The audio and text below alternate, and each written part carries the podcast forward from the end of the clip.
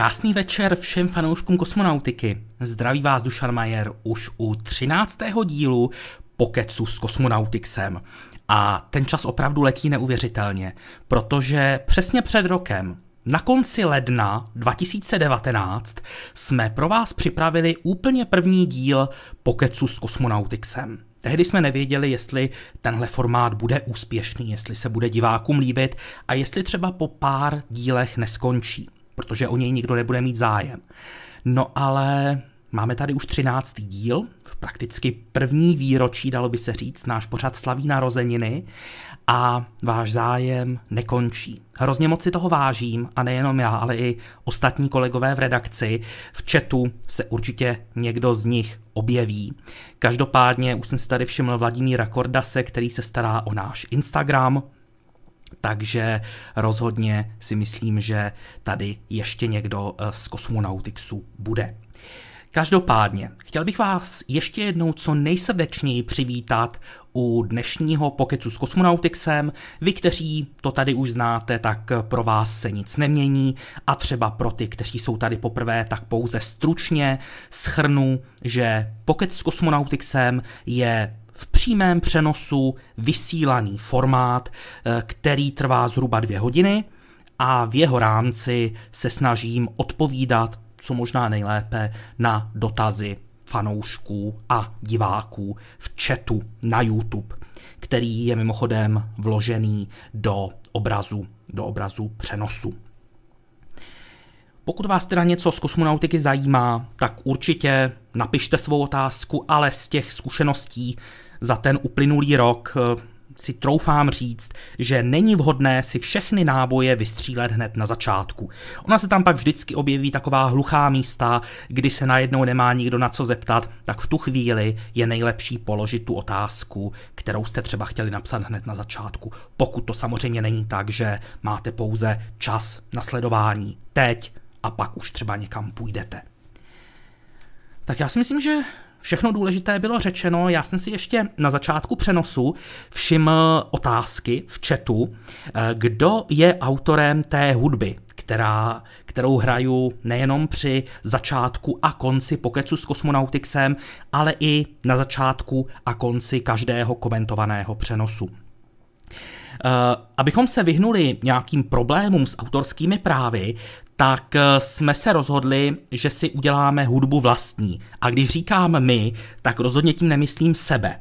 Myslím tím redakci Kosmonautixu a konkrétně jednoho člověka, já mám teda hudební hluch, já bych s tím nic neudělal, ale Ondra Šamárek, specialista na naše historické články, tak eh, on je i hudebník a tuhle tu skladbu sám složil, nahrál a poskytl právě našemu webu. A v chatu vidím Lukáše Houšku a dokonce Michala Václavíka z České kosmické kanceláře, takže je vidět, že se to tady krásně schází všechno, takže pokud eh, třeba já nějakou otázku nestihnu, nebo něco řeknu špatně, což se určitě může stát, tak mě Michal opraví a uvede to na pravou míru. Tak schválně, jaké jsou tady otázky? Uh, situace kolem koronaviru, jak moc by to ohrozil kosmonautiku, už připravené domluvené starty, převoz přes různé státy. Pokud vím, tak jediný problém s tou epidemí v současné době se týká přípravy čínské rakety Huaichou, pokud se nepletu, protože ona má výrobní e, závod v některém z měst, které jsou tím hodně poš- postiženy.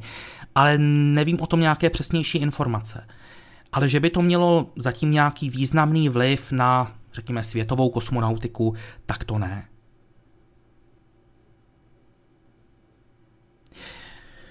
Eh, kdyby se museli uzavřít hranice, jak by se řešila situace na ISS, to je taková hodně spekulativní otázka, na kterou se přiznám, neznám odpověď. Možná Michal Václavík by mohl vědět nějaké takovéhle krizové scénáře. Jo, eh, pochvalu pro Ondru Šamárka určitě vyřídím, bude mít radost. Možná tady dokonce je. Nevím. Jestli tady seš, Ondro, tak napiš do chatu.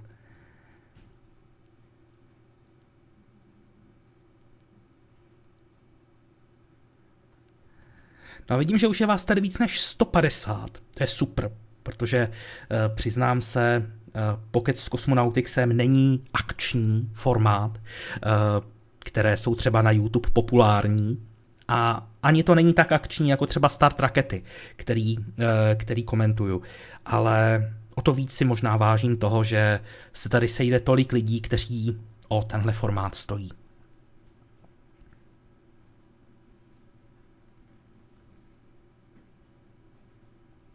Díky Michale, díky za upřesnění. ISS, Mezinárodní kosmická stanice alias International Space Station. Já vím, že jste to nemyslel vážně, že jste to myslel jako vtip, ale není to ani vtipné a ani originální. Protože takových eh, vtipálků už bylo dříve, dříve hodně.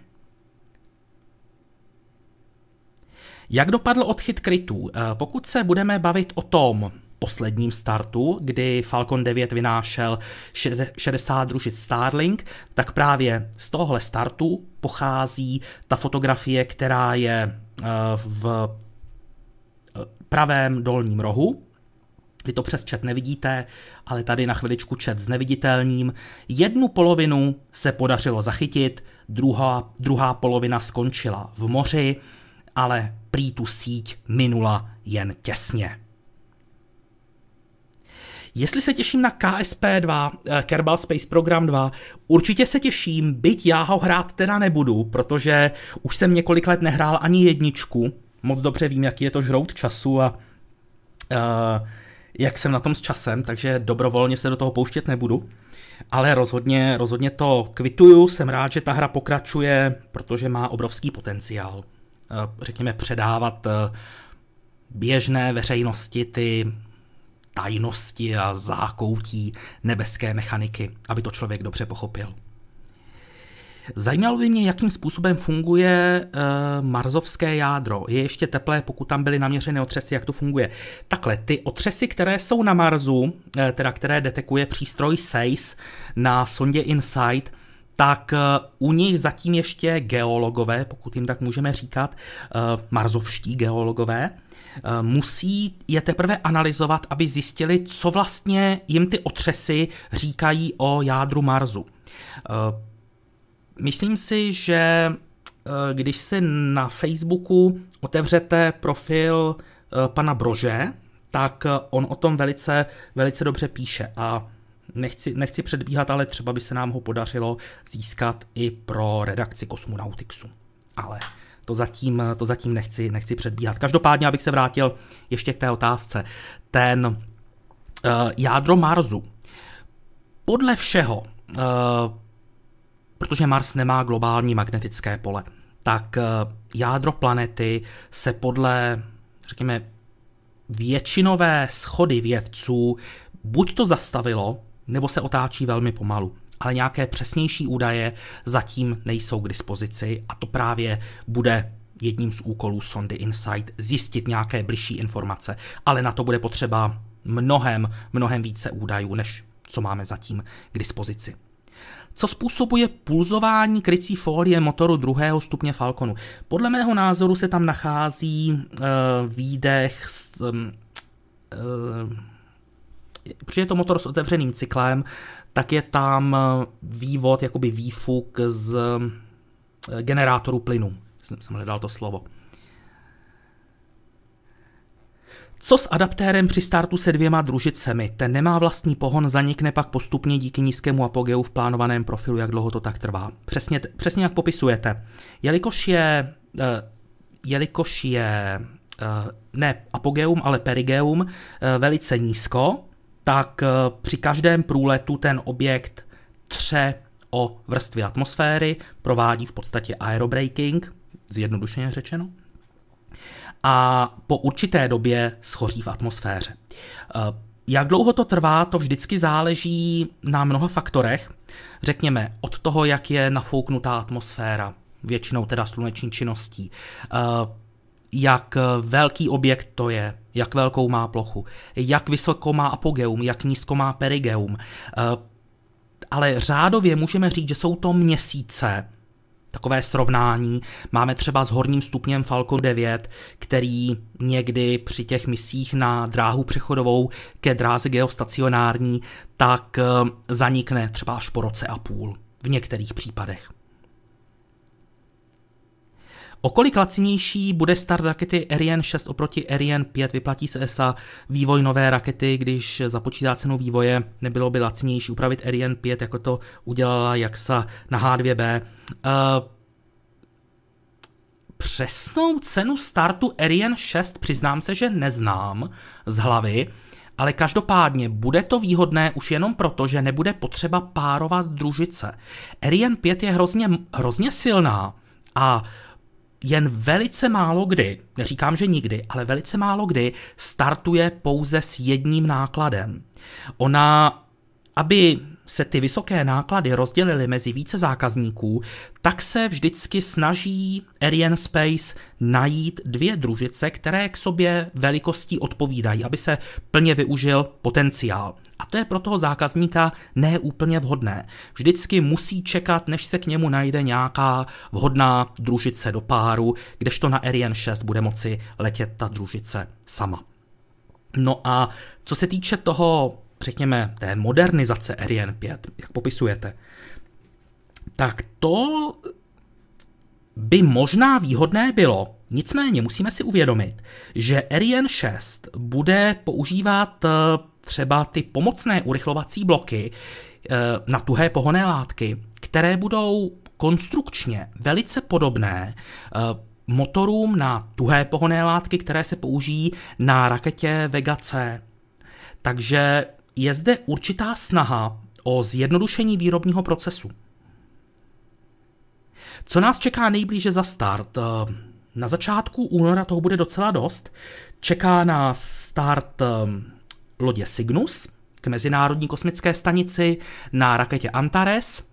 Čeká nás start Sojuzu z Baikonuru s družicemi OneWeb. No a hlavně já se těším na start Solar Orbitru evropské sondy s českým vědeckým podílem, která poletí na Atlasu 5 10. února.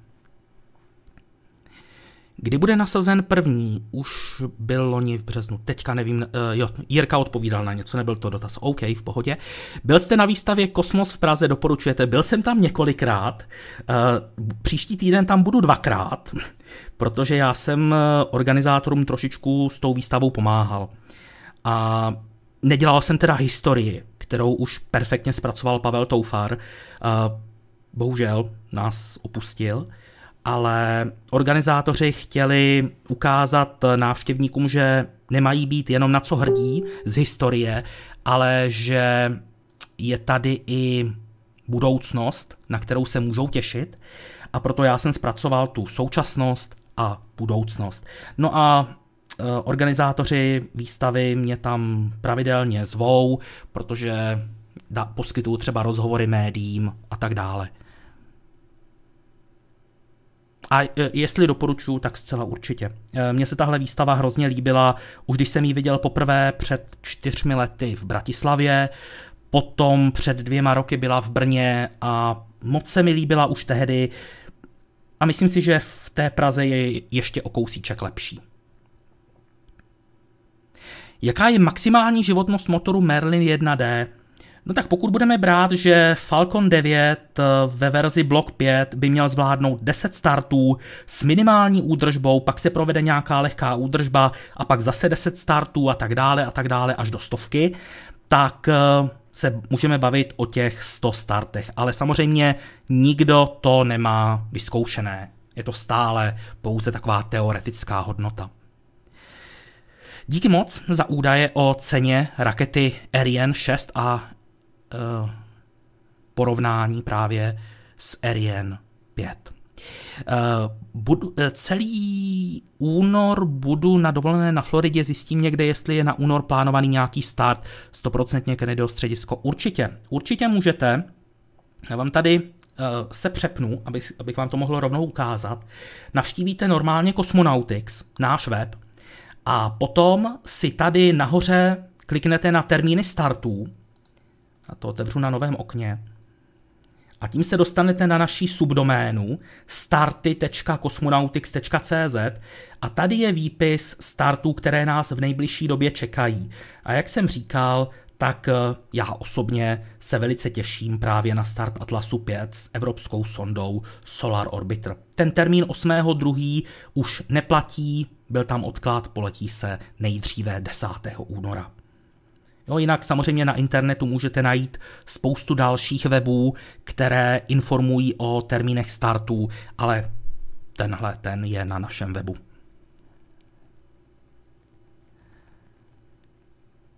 Eh, jak se posunuje vývoj letu na Mars? Tak pokud narážíte na uh, SpaceX a její program Super Heavy Starship, tak zrovna včera jsme vydali článek Cesta ke stavbě Starship SN1 je otevřená.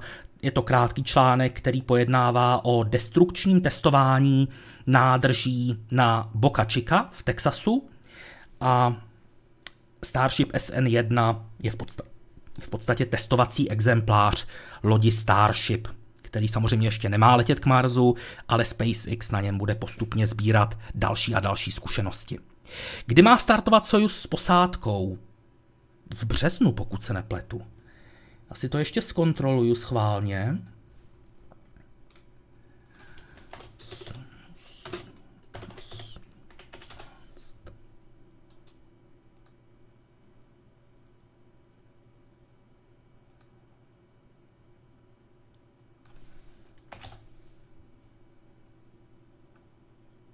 A ah, tak 15. dubna. 15. dubna, takže to jsem, to jsem se ukvapil s tím březnem. Bude to až v dubnu.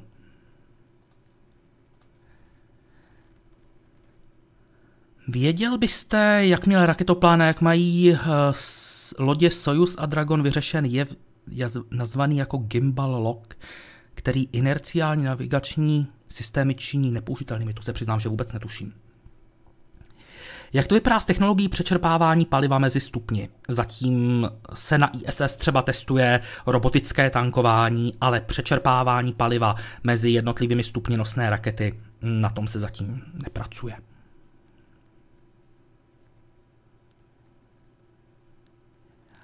Měl jsem na mysli nový Dragon 2 bez posádky, jen se zásobami.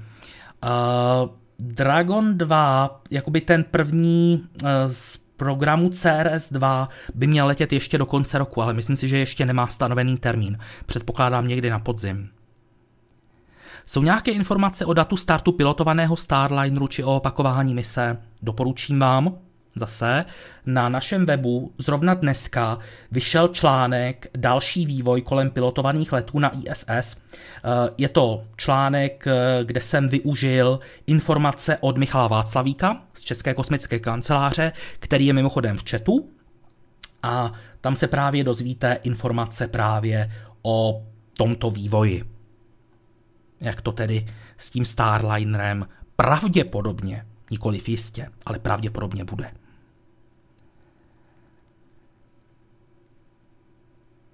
Jaký milníky ještě čeká SpaceX a Boeing, aby mohli dopravit posádku do vesmíru? Na SpaceX čeká, čekají dvě zkoušky padáků na Crew Dragonu a Starliner tam je otázka, jestli bude nebo, ne, nebo nebude muset opakovat nepilotovanou testovací misi.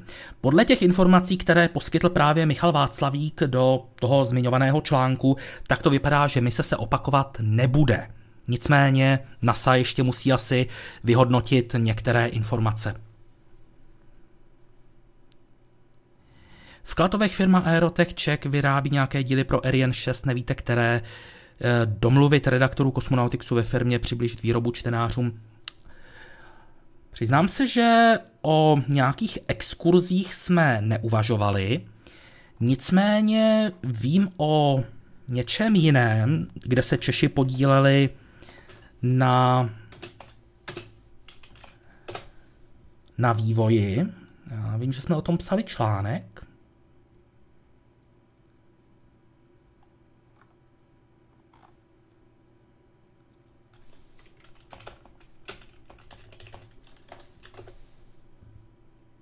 Jo. 7. listopadu 2018, tady to je.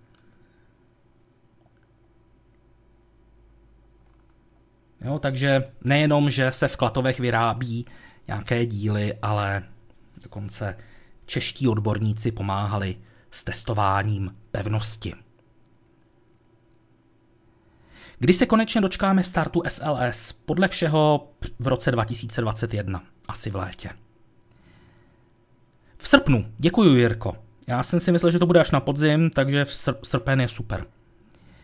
Bude se dát vystoupit z lodi Starship nebo Dragon do volného prostoru?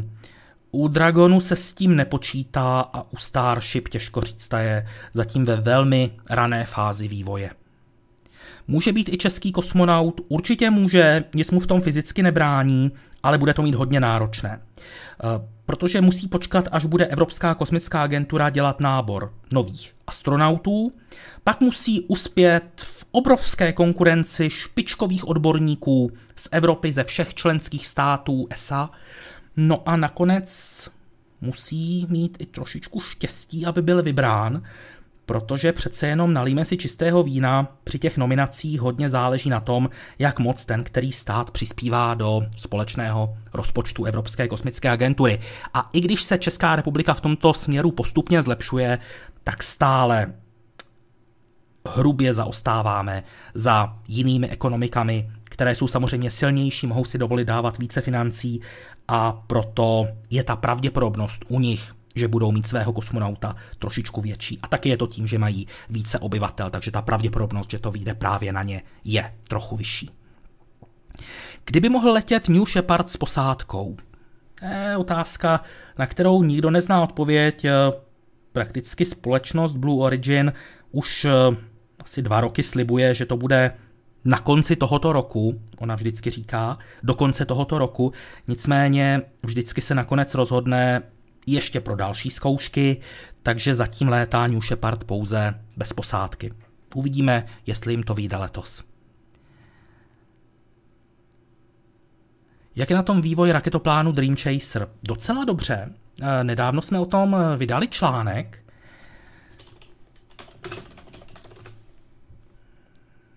Uh, Dream Chaser tady.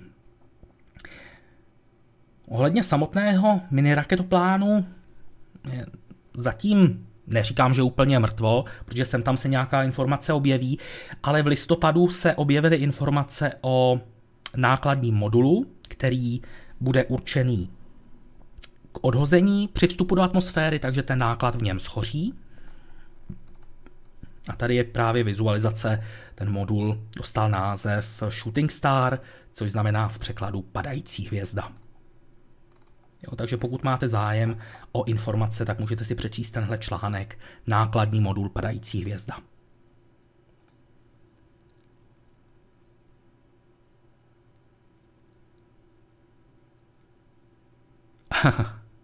to zatím vůbec netuším. Eh, myslím si, že ani bych nebyl na obrazovce, ale pojali bychom to jako článek. Ale to ještě zdaleka vůbec nevím. Zajímalo by mě, jak se vyrábí těží helium pro SpaceX, díky za info. Uh, úplně stejně jako pro kohokoliv jiného. Helium se, pokud se nepletu, tak se dá separovat e, z ropy při těžbě. Teď mě možná někdo chytne za slovo, ale myslím si, že nějaké, nějaké množství se, se dá získat. Každopádně... Hmm, Helium si můžete koupit i vy, takže není to žádná speciální výroba pro SpaceX, ale třeba heliové balónky, že ano. KSP2, už jsem o tom mluvil, uh, fandím tomu, držím tomu palce, mám radost, že se ta hra rozvíjí, ale hrát ji nebudu, protože je to žrout času neskutečný. Hrál jsem teda jenom jedničku, ale už pár let jsem na ní nesahl, protože vím, jak by to skončilo. Přemýšlel jsem o tom, zda by někdy nějaká úvaha o tom používat znovu Saturn 5, hlavně v minulosti. Vývoj přece stál spoustu peněz. No jo, to je, to je hezké, stál spoustu peněz, to ano. Ale američané se zahleděli do raketoplánů, které jim měly usnadnit a zlevnit přístup do, eh, na oběžnou dráhu. Ale Oni samozřejmě z toho postupně, postupem času vystřízlivěli, protože se ukázaly ty reálné náklady na provoz raketoplánu. ale v tu chvíli už bylo na obnovení Saturnu 5 pozdě, protože ty firmy, které se na tom vývoji podílely, tak zkrachovaly nebo skončily, přestali, to, přestali se rozvíjet, takže vy byste musel obnovit celý výrobní řetězec a to je hrozně náročné. Nějaké novinky ohledně připravované mise JUICE uh, Přiznám se, že zatím jsem taky nic nezaznamenal. Zrovna před pár dny jsem se díval na jejich web, ale žádný článek tam nedali, ale nepovažoval bych to za žádné špatné znamení, prostě dělají takové ty věci, které třeba pro běžného člověka ne, nemusí být až tak atraktivní a čekají na nějaký, řekněme, milník. Vyšel článek na Space News, že NASA povolí, eh, že NASA vědcům povolí letět na New Shepard a jejich experimenty při suborbitálních letech, tak to je super. Z Boeingu se dá vystoupit do vesmíru, nepočítá se s tím, není to tam. Jak Brexit ovlivní členství v Británie, eh, Británie v ESA? Nijak. Eh, ESA a EU jsou na sobě nezávislé eh, organizace, řekněme. Jaké je nejlepší raketové palivo? To je jako kdybyste se zeptali, jaké je nejlepší auto. Vždycky záleží, co od toho paliva chcete. Uh, jestli chcete, aby, aby třeba poskytovalo vysoký tah, aby bylo skladovatelné při pokojové teplotě, nebo jestli aby bylo samozápalné. Jo? Vždycky každé palivo je vhodné na něco jiného. Takže někdo může říct, že nejlepší auto je Porsche nebo Ferrari, ale já mu řeknu, no dobře, ale já s tím autem chci jezdit na vesnici a vozit tam pytle cementu. No tak v tom případě se mi mnohem víc hodí nějaké, nějaké terénní auto, třeba nějaký Jeep, a najednou je to úplně něco jiného. Vždycky záleží, co od toho paliva chceme. Takže se nedá říct, že by nějaké palivo nebo pohoná směs byla nejlepší. Jak je to s raketami Jeffa Bezose? Zdá se mi, že, že je pořád eh, tajemně potichu a to již několik let. No tak to jste asi nesledoval ten poslední vývoj, protože uh, Blue Origin pracuje na uh, uh, raketě New Shepard, staví pro ní dokonce, dokonce rampu, myslím si, že jsme o tom dokonce nedávno i psali. Uh, pardon, New Glen, omlouvám se. Omlouvám se. Jo, tady to je. Tady je ten článek. Ze 3. ledna, jak pokročily právě práce na uh, rampě 39A, kde staví SpaceX, a na rampě vedlejší, myslím, že je to 36, eh, kde právě buduje Blue Origin.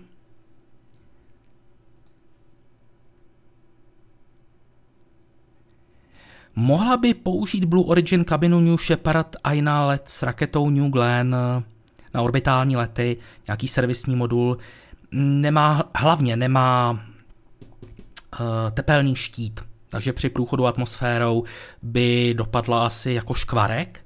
A ono si řeknete, možná jenom doplní se tam tepelný štít, nějak se tam přilepí, ale ono to není tak jednoduché. Na to se musí přizpůsobit celá konstrukce, na to namáhání, vibrace a tak dále. Takže ne. V podstatě musel, bylo by potřeba tu kabinu kompletně překopat od základů a v tu chvíli už vám vyjde líp postavit z brusu novou kabinu. Šlo by u rakety SLS zvýšit nosnost prostým přidáním dalších dvou urychlovacích bloků. Teoreticky ano, ale v praxi se to nepoužívá. Ono se to říká jako takový vtip, že jako v Kerbal Space programu uh, to možné je, ale v realitě je to trošku komplikovanější. Ono tam totiž nezáleží jenom na tom, na té nosnosti, ale třeba i na takových věcech, jako je zrychlení, zátěž, přenášení, namáhání na ten centrální stupeň a tak dále. Jasně, tah není vlastnost paliva, ale raketového motoru. Máš pravdu, Michale, já jsem to zjednodušil, myslel jsem, uh, myslel jsem to zjednodušeně, protože každé palivo má jiné vlastnosti, ku příkladu třeba efektivní výtokovou rychlost nebo rychlost spalin, byť to taky hodně souvisí s tím motorem, pravda, ale asi, asi si rozumíme.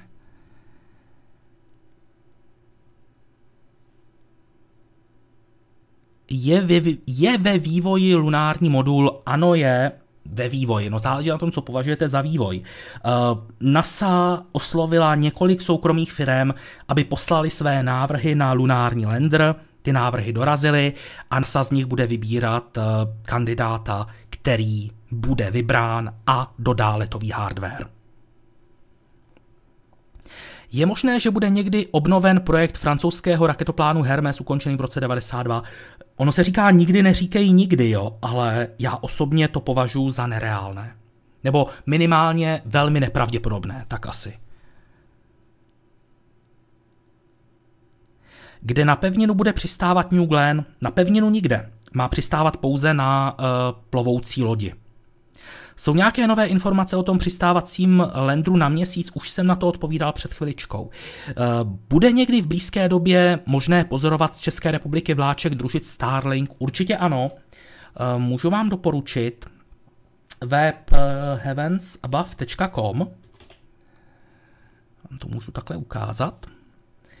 Je to velice jednoduchý web na řekněme, ovládání, ale najdete toho na něm opravdu hodně. V první řadě si musíte určit, odkud budete pozorovat. A tady můžu zadat třeba Jihlava nebo Praha, dám hledat, jo, mám tady Prahu, dám aktualizovat. V tu chvíli mě systém bude ukazovat eh, přelety jednotlivých družic pro Prahu. A tady si pak dám Starlink, všechny objekty ze třetího startu. Samozřejmě tady ten start se bude měnit, nebo Starlink čtvrtý start, tam si to konkrétně vyberete. A najednou vám vyběhne takováhle tabulka, která vám ukazuje datum, kdy k tomu přeletu dojde, o jaký objekt se jedná, jak bude jasný. Čím nižší je ta hodnota, tím je objekt jasnější. Naopak, čím je ta hodnota vyšší, tím méně jasný ten přelet bude. Pak je tady začátek, nejvyšší bod a konec přeletu, každé z těch jednotlivých družic. A jak na začátku, v nejvyšším bodě, tak na konci máme uvedený čas, kdy k tomu dojde, tedy kdy začíná přelet, kdy vrcholí a kdy končí. Eh, v jaké výšce nad obzorem ten přelet začíná, vrcholí a končí. No a konečně máme tady azimut, tedy směr, kterým se máme dívat. Tady západ severozápad, eh, přelet vrcholí na severo, se, eh, severovýchodem, zhruba 86 stupňů vysoko, takže prakticky v nadhlavníku. Jo? A takhle máte přelety všech družic Starlink z těch jednotlivých startů. Když něco nevyš, nevyřeší booster, vyřeší to víc boosterů. Přesně tak, základní pravidlo Kerbal Space programu. Já nekřičím. Eh, pokud jsem křičel, tak se omlouvám. Teď bude vidět ISS. No, je to možné.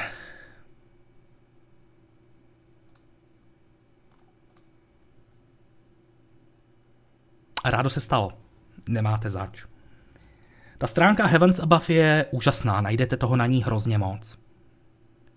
Jak daleko eh, jsem se dostal v KSP1? Stavil jsem stanici na oběžné dráze kolem eh, Kerbinu, a přistál jsem na Moonu, na Minmusu, pokusil jsem se o přistání na Duně, ale to se mi nepovedlo.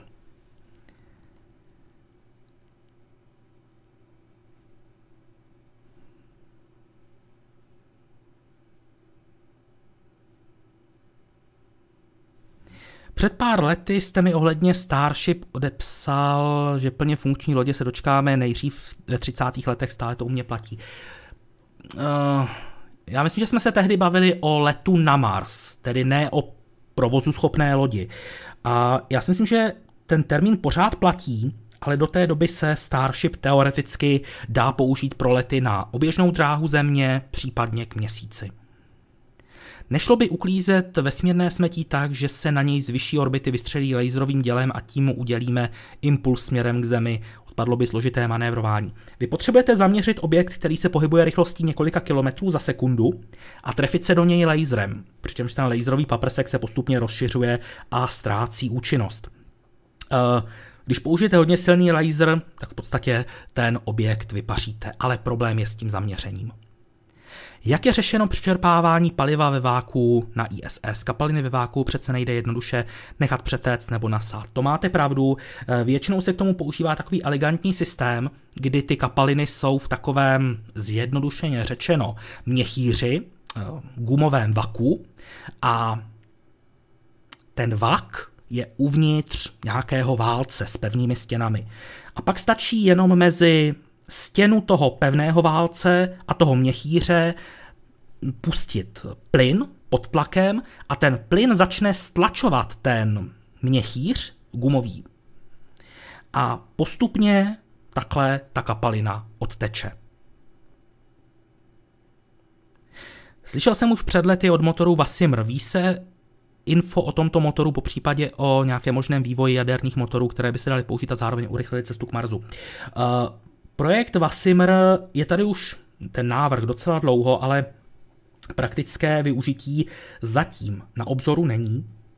No a co se týče letu k Marsu, tak tam se počítá s tím, že by se mohly použít jontové motory.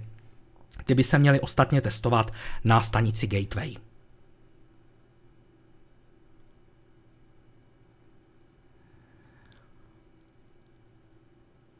V Sandbox, já už nevím, jestli to byl Sandbox nebo kariéra. To už je hodně dávno. Zajímalo by mne, ví se, kolik stojí sedačka v Sojuzu a kolik budou stát v Dragonu a Starlineru. V Sojuzu stojí, pokud se nepletu, 75 milionů dolarů.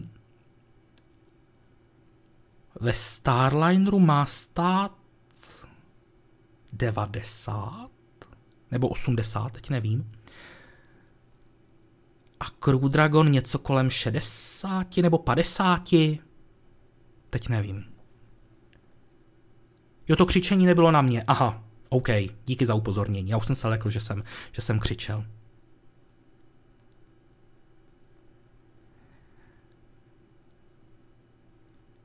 Plánuje se nějaké fyzické propojování CubeSatů, pokud by spoje dosáhly vysoké přesnosti poskládat z CubeSatu primární zrcadlo teleskopu O takovém projektu nevím, nicméně možná existuje. E, nicméně pro stavbu nějakých velkých konstrukcí by se mohl použít projekt, nebo mohl by to otestovat projekt, který se jmenuje, pokud se nepletu, Archinaut. Já si to teď jenom najdu, vím, že jsme o tom psali, jo. Archinaut má letět na elektronu v roce 2022. Jo, dokonce o tom psal Lukáš Houška, kosmotýdeníku. Tisk družic v kosmickém prostoru. On má zkusit eh, řekněme, vytisknout nějakou velkoformátovou konstrukci, jako je třeba tahle příhradová konstrukce pro rolovací fotovoltaické panely. Takže kosmotýdeník s pořadovým číslem 357 z klávesnice Lukáše Houšky, vydaný v červenci 2019. Tady je právě rozebrán ten projekt.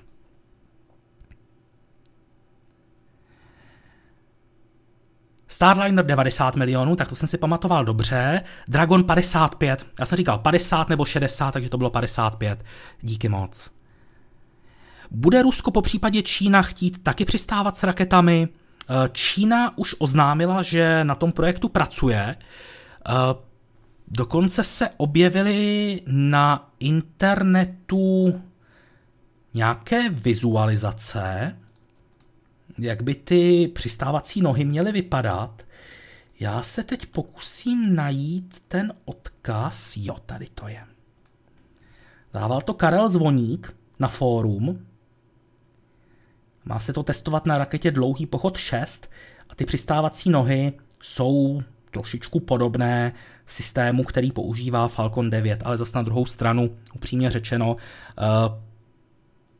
fyzika má určitá omezení, a nenabízí tolik variant, aby to třeba nezavánělo inspirací od někoho jiného. Jo, tam prostě, eh, když chcete být kreativní za každou cenu, tak vám to nemusí vyjít.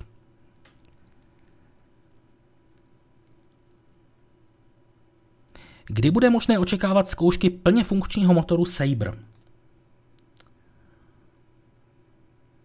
Pokud se nepletu, tak mají to testovat buď to v příštím roce nebo 2021. Kdyby tady byl Karel Zvodník, ten by to věděl, protože ten se na Saber se o ně docela zajímá. Ale letos to myslím nebude, to si myslím, že asi určitě. V, souvis- v souvislosti s cestou na Mars slýchám, že se stále nevyřešil problém s radiací. Je to pravda. Uh, jak vážný je to problém v souvislosti s konstrukcí Starship? To je takový ten slon v místnosti, kolem kterého všichni chodí, uh, všichni vědí, že tam je, ale nikdo o něm nemluví. Uh, je to něco, na co zatím SpaceX ne, že nereaguje, ale minimálně to neobjasnila. Víme sice, že uvnitř lodi by měl být nějaký v uvozovkách bunkr, do kterého by se třeba posádka mohla schovat v případě výronu koronální hmoty a přežít ten nejhorší nápor nabitých částic. Ale pak je tady problém toho běžného radiačního pozadí, které by na tu posádku běžně působilo. A tam zatím není SpaceX tolik sdílná.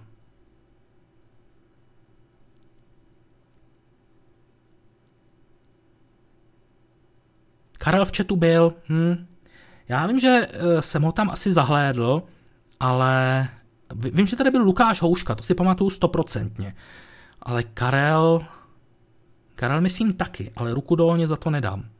Nešlo by kosmické záření při cestě na Mars odstínit tak, že by se použili cívky kolem lodi ze supravodivých vodičů? Fíha. To je otázka, na kterou přiznám se neznám odpověď, takže radši se nebudu pouštět do spekulací, ale minimálně nějaké problémy to sebou nést musí. Protože kdyby to bylo takhle jednoduché, tak si myslím, že uh, by nebylo co řešit. Musí být určitě nějaký problém, který, který to neumožní. Není Starship příliš velké sousto se vší úctou ke SpaceX, když porovnám kolik financí a lidských zdrojů spolknul Saturn 5, tohle má být raketa větší a silnější. Uh, je to zcela jistě ohromné sousto. O tom spekulovat nebudu. V tom s vámi plně souhlasím. Ale zase na druhou stranu Saturn 5 vznikal za určitých technologických podmínek. A dnes už je ta technika někde trošičku jinde. Tudíž eh, já si myslím, že SpaceX ví, co dělá. Je to soukromá firma, ta by se dobrovolně nepustila do nějaké takovéhle ekonomické sebevraždy. Ale jestli jim to vyjde, to ukáže až budoucnost. Měl jsem takový postřeh při letu Starlineru. Když došlo palivo v druhém stupni, tak se odhodil až po nějaké době, tak jsem se chtěl zeptat, jaký je důvod neodhodit ho hned. To se přiznám, že nevím, proč, proč se uh, ten vyhořelý stupeň odděloval později. Možná se jenom ověřovalo, jestli je sestava na správné oběžné dráze, jestli všechny parametry jsou v normě, Možná se čekalo, až eh, definitivně se ten stupeň stav, eh, zbaví zbytkového tahu, těch možností je hodně.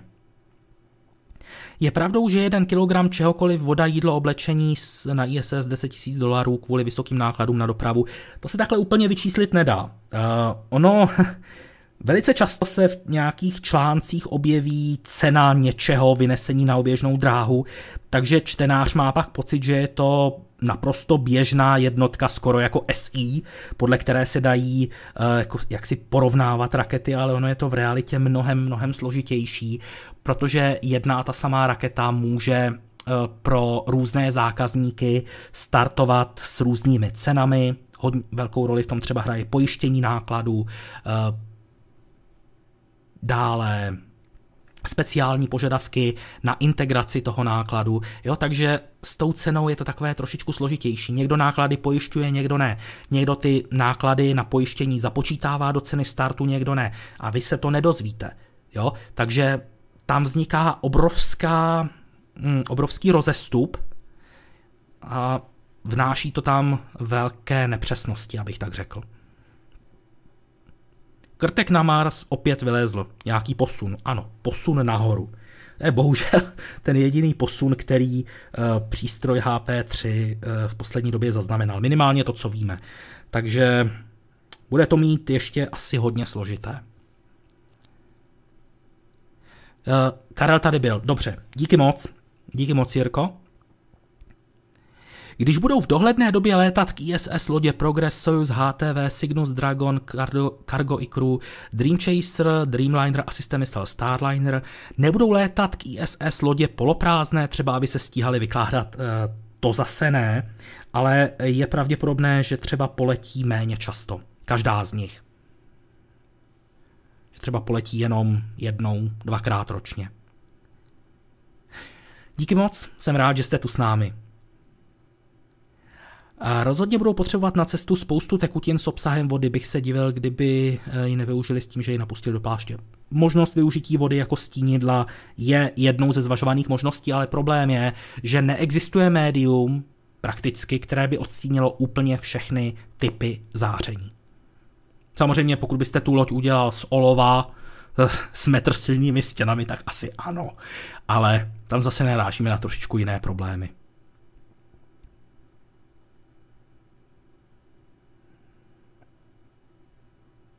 Nudí vás to a on vás někdo nutí to sledovat? Pokud, va, pokud mě něco nudí, tak než abych se zdržoval tím, že napíšu do chatu, že mě to nudí, tak radši ten přenos vypnu a jdu někam jinam, kde mě to bude bavit. Michale, šťastnou cestu, šťastný let a zase někdy, zase někdy se budu těšit. Mluví se o vesmírném výtahu, až bude někdy v budoucnosti k dispozici vhodný materiál pro lano.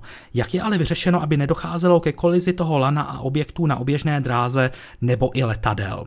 Tak eh, s letadly je to jednoduché. Vytýčí se prostě uh, neletová oblast. Jo? Nesmí tam vletět žádné letadlo. Jednoduché. S těmi družicemi je to trochu složitější, ale zase na druhou stranu to vlákno bude mít poměrně malý průřez, tudíž ta pravděpodobnost kolize není tak velká.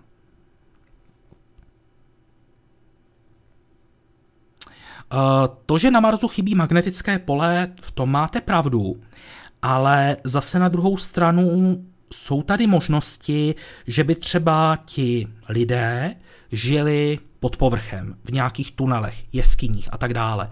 A v tu chvíli už vám ty horniny nad vámi poskytují určitou ochranu. Elon Musk říkal, že stínění lze udělat dva, vál, dva válce, kde je jako stínění použitá voda. Je to možné? Ano, jak jsem říkal, voda se dá použít pro stínění, pokud se nepletu, voda se hodí na odstínění neutronů. Ale jsou tady, uh, jsou tady i jiné druhy záření, nebo částic, jak, záleží, jak to chcete brát, které voda nepohltí. Tam zase některé druhy záření, na ty je vhodný uh, polypropylen, pokud se nepletu. 280 diváků, wow! Tak to je úžasné číslo, pokud se nepletu, tak náš dosavadní rekord byl někde kolem 260, tak už v tuhle chvíli je to náš nejsledovanější pokec s kosmonautixem. Hrozně moc děkuju. Zdravíme z auta, jedeme z dovolené v Itálii. Bezpečně řídím a jen poslouchám, ale zdravíme. Tak my zdravíme vás a šťastnou a hlavně bezpečnou cestu. A jízdné dálnice. Výtah je sci-fi, ano, prozatím. A myslím si, že ještě hezkých pár desítek let to sci-fi bude, nicméně, abychom jednou byli připraveni ten výtah skonstruovat, tak je vhodné se tím už aspoň teď teoreticky zabývat. Při cestě na Mars je jeden z problémů chybějící gravitace. Neuvažuje se o jednoduchém řešení spojení dvou lodí několik set metrů dlouhým lanem a roztočením sou, soustavy. Přišel s tím snad nějaký Čech. Eh, no, ta myšlenka tady sice je, ale zase nese sebou další problémy. Ono to vypadá to roztočení poměrně jednoduše, ale pokud se bavíme o objektu, který bude vážit několik set tun, eh, ta odstředivá síla nebude malá, eh, uvedení takové sestavy do rotace taky nebude jen tak a hlavně potom zastavení té rotace, rozpojení sestavy před vstupem do atmosféry Marsu, eh, má to prostě svoje nevýhody. Jak se vyvíjí konflikt mezi astronomickou společností a SpaceX ohledně Starlinků? Eh, při tom prvním startu v lednu eh, SpaceX zařadila mezi těch 60 družic jednu, která byla černě natřená, nebo měla speciálně upravený povrch, aby tolik eh, neodrážela světlo a nyní se bude vyhodnocovat, jaký to má vliv právě na odrazivost a pokud se ukáže, že ten efekt je pozitivní, tak to SpaceX začne používat i na ostatních družicích, no a pokud ne, tak bude hledat asi něco jiného.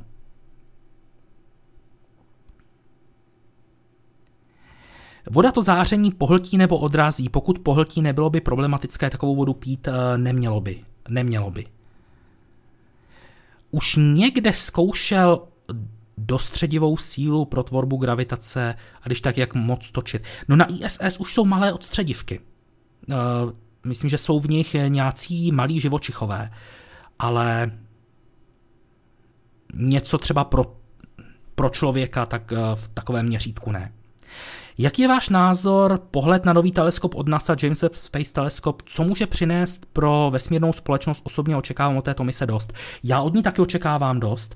Uh, já o, o webově teleskopu s oblibou říkám, že je to vlajková loď astronomie des, uh, aktuálního desetiletí. Teď už nemůžu říkat příštího. Ale webův teleskop uh, má obrovský potenciál může sledovat objekty ve sluneční soustavě, může sledovat eh, exoplanety, může sledovat eh, první galaxie. Díky tomu, že bude sledovat vesmír v infračervené části spektra, tak nahlédne jen krátce eh, po velký třesk. To znamená, on dohlédne daleko z hlediska vzdálenosti a tím pádem i daleko do minulosti. Takže má obrovský potenciál a hlavně dá se využít pro obrovskou spoustu vědeckých oborů. Astronomové mají stále problém s družicemi Starlink. Oni tvrdí, že i v 550 kilometrech je to bude rušit, což je finální oběžná dráha.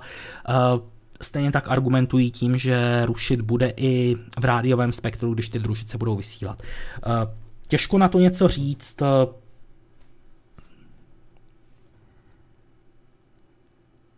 Fascinuje mě, jak obrovskou spolehlivost mají motory Merlin, proč se vyvíjejí metanové motory, mají vyšší specifický impuls po případě, o kolik jsou Raptory výkonnější než Merliny. Eh, pokud se nepletu, tak Raptor je zhruba třikrát nebo čtyřikrát silnější než eh, Merlin.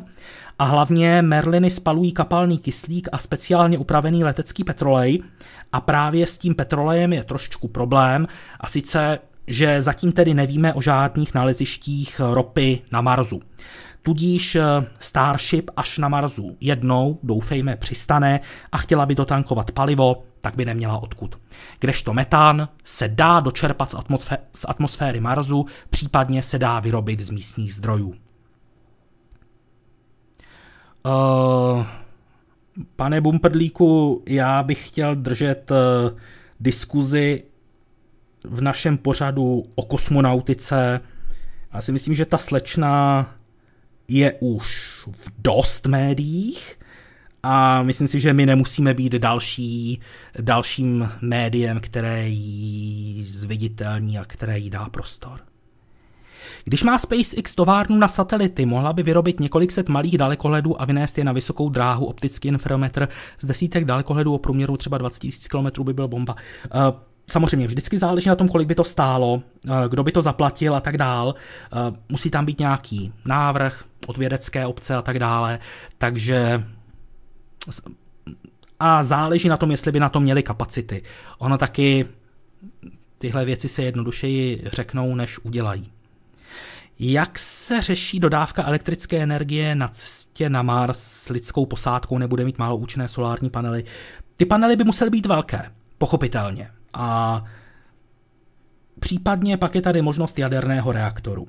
Ale uh, otázka je, kde bude technika za třeba 15 let, až se lidé vydají k Marsu, možná později, kdo ví. Eh, za tu dobu určitě jak fotovoltaické panely, tak i reaktory udělají velký krok vpřed a ta elektrická energie bude potřeba třeba i pro ty jontové motory, které se mají právě pro let k Marsu použít. Eh, pane Bonelessy, můžeme si o názorových protivnících myslet cokoliv, ale sahat k jejich urážení nebo vulgaritám bychom neměli. Já s ní třeba taky nesouhlasím, ale snažme se prosím udržet uh, diskuzi na našem webu, případně na našem vysílání v nějakých slušných mantinelech. Děkuju.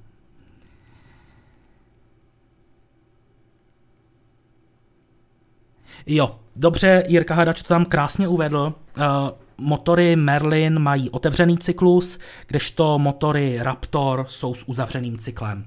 To znamená s uzavřeným pracovním cyklem. To znamená, že využívají veškeré, veškerou energii pohonných látek eh, ke generování tahu. Fotky z webu nebudou ve viditelném spektru, nebudou, ale na internetu najdete spoustu fotek v infračervené části spektra, které vypadají normálně, řekněme, jsou posunuté, aby lépe odpovídali tomu, na co jsou lidé zvyklí, ale pro vědce to bude mít obrovský přínos. Jak je řešen z ISS odvod exkrementů z WC? Vypouští se do prostoru nikoliv, eh, dehydratují se a ukládají se v té, řekněme, dehydrované formě do zásobovacích lodí, eh, samozřejmě hermeticky uzavřené, aby schořely v atmosféře, uvnitř té kosmické lodi. Víte, co se stalo s Voyagerem 2? Zahlédl jsem nějaký článek, má mít problém. Vy, vydáme k tomu článek v kosmotýdenníku, který zpracuje Lukáš Houška. Každopádně eh, podle všeho se jedná o nějaký softwarový problém, který nastal při mm, zpracování dat.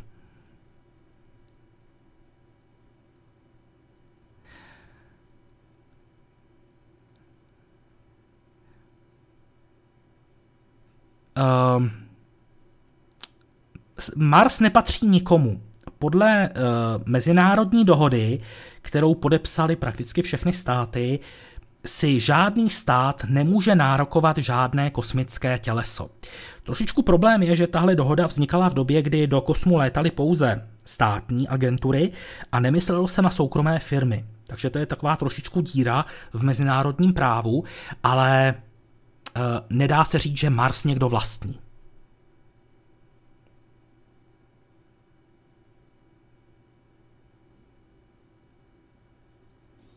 Pane Bumprdlíku, netýká. Proč bude na ISS od února do dubna jen tříčlená posádka? To už se počítalo, že tam bude soukromá loď. Eh, svůj vliv to samozřejmě mít mohlo, ale podobné rozestupy eh, tady bývaly už dříve. Samozřejmě ten letošní rok je trošičku rozházený tím, že není úplně jisté, kdy nastoupí soukromé eh, lodě pro posádku do služby.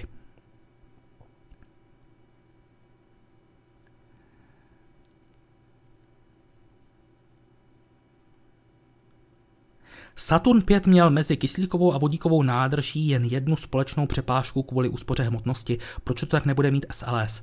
Eh, jedno, zjednodušeně řečeno, uh, i kvůli tomu, že Saturn 5 používal na prvním stupni jiné pohonné látky než SLS. Eh, centrální stupeň SLS konstrukčně vychází z externí nádrže raketoplánu, kde se tento typ konstrukce osvědčil. Tudíž eh, NASA nemá důvod eh, v této konstrukci nepokračovat. Ono je to hodně tím, že jsou to kryogenní pohonné látky a to namáhání změnou teplot by bylo výrazné. Já jsem hlasoval pro jméno Vision.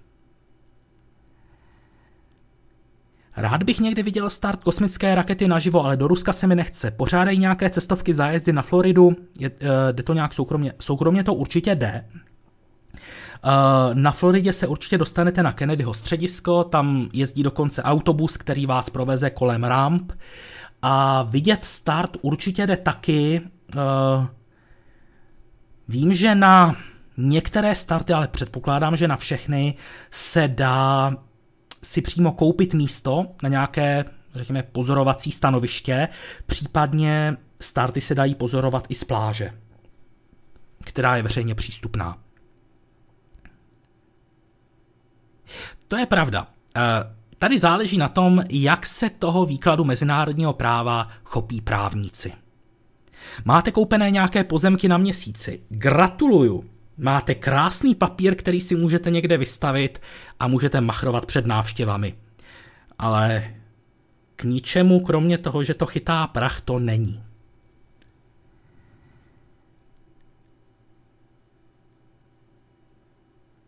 A byl, na, byl, to, byl to Martin Gembec, opravil to podle všeho a já jsem mu už říkal, že až bude mít zájem a čas, až bude mít čas a chuť, tak určitě se můžeme na něčem domluvit, ale podle všeho asi zatím čas nemá. Ale věřím tomu, že se mi někdy ozve a řekne mi, že má čas i chuť.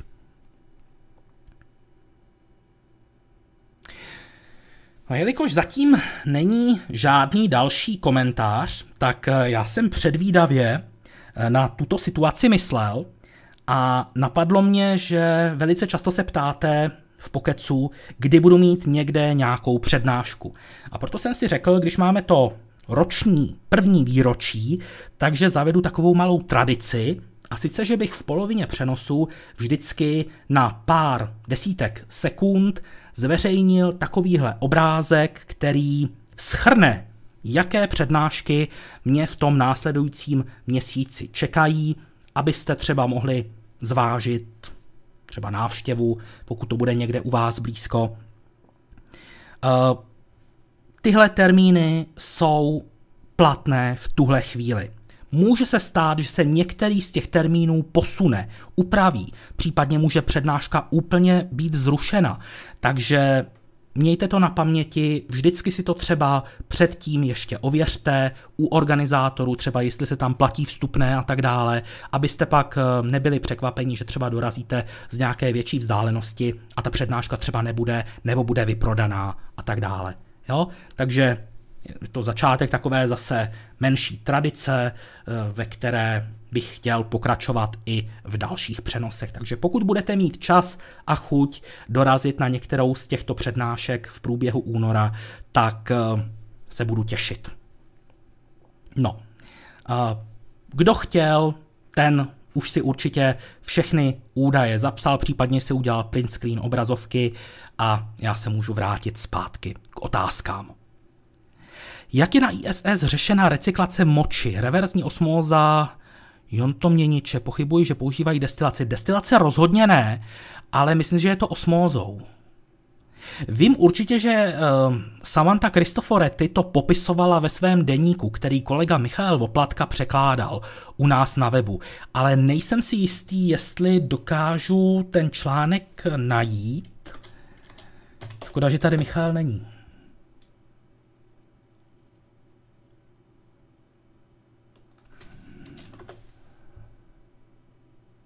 Ne, to asi nenajdu. Minulý týden Christina Koch a po ní Andrew Morgan překonali letitý rekord v délce výstupů během jedné mise. Uh, počítá se... Jo, jakože ještě Andrew vystoupí.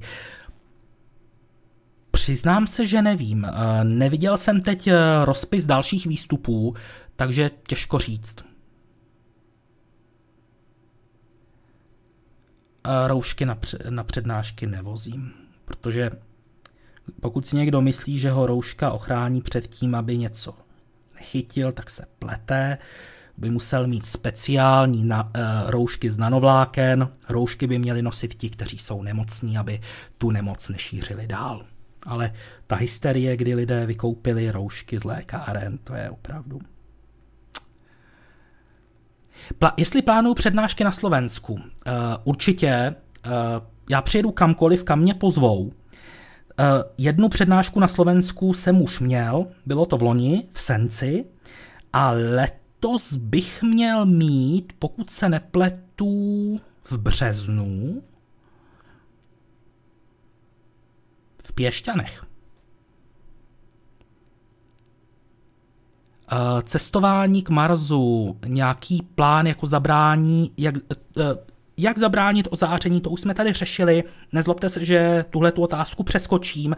Pokud máte zájem, můžete si pustit, eh, až přenos skončí, tak záznam. Rozebírali jsme to několik minut.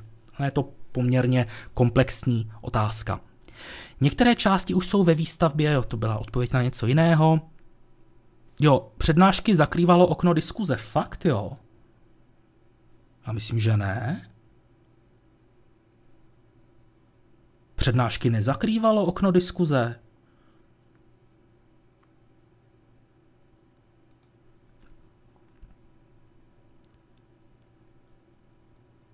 Nechystá se nějaký nový lenter pro Venuši? Bohužel ne. Na ISS Debian. Někdo z NASA říkal, že je těžké volat na support linku Microsoftu. Je to možné, ale přiznám se, že takovouhle, řekněme, IT záležitost eh, do takových detailů já nejdu. Takže je to možné, ale nevím. Jak se to dá, je možné k tomu seznamu přednášek doplnit, která přednáška bude e, někde na YouTube. Upřímně říkám, že tohle nedokážu ovlivnit. Jo? Protože nemůžu vědět, který z organizátorů bude natáčet, nebude natáčet. Proto vždycky říkám, kdo přijde na nějakou přednášku, tak ten ji uvidí určitě. Kdo nepřijde, ten ji uvidí jenom možná.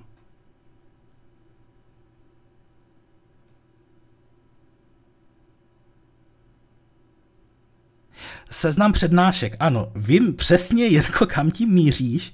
Uh, pokusím se na tom tenhle rok zapracovat. Jak dlouho vlastně stráví v kosmu Christina Kou? Bude to více než rok? Nebude. Nestihne to. Uh, bude to necelých 11 měsíců. Takže 10 a 3 čtvrtě zhruba. Co se děje ve VAB? Momentálně tam probíhá nacvičování, skládání spodní části postranních urychlovacích stupňů rakety SLS na tuhé pohonné látky. Tak, ještě vám tady ukážu ještě vám tady ukážu článek, který jsme k tomu vydali. Tady.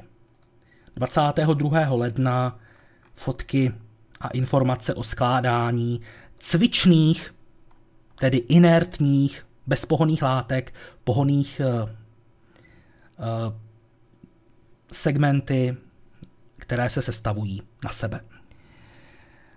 Uh, nějaká, aktuali- nějaká aktualizace Deep Space Gateway. Doporučím seriál, který se jmenuje příslušně Gateway. Jeho autorem je Jiří Hošek a 24. ledna vydal svůj lednový díl. Pokud si ten článek otevřete, tak tady najdete aktuální informace o tom, jak projekt stanice Gateway pokračuje a vlastně všeho, co se ho týká. A ah, pardon, takhle.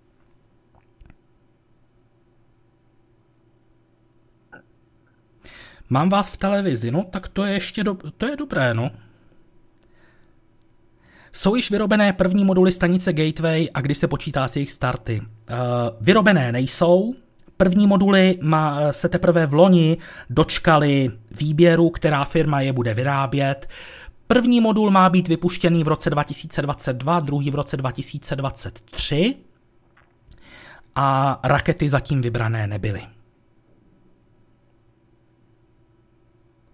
Jak manévruje ISS v prostoru pomocí motorů, které jsou na ruském segmentu? Uh, plánuje se k Venuši vůbec něco? Uh, Rusové uvažují o pokračování programu Venera, Venera D, ale tam není, pokud se nepletu, stanovený zatím nějak pevně termín startu. A NASA má v nějakém vědeckém programu jednu nebo dvě mise, které ale bojují proti ostatním návrhům, jestli budou schváleny právě pro výzkum uh, Venuše. Uh, v USA se chystá, uh, který skrouhne Artemis. Přejmenuje se to na Moon to Mars. Uh, no, ono je to trošičku komplikovanější, k tomu už se vyjadřoval Jirka Hošek. Uh, On ten návrh eh, neznamená, že se na, Marzu, eh, na měsíci nedá přistát před rokem 2028. Um,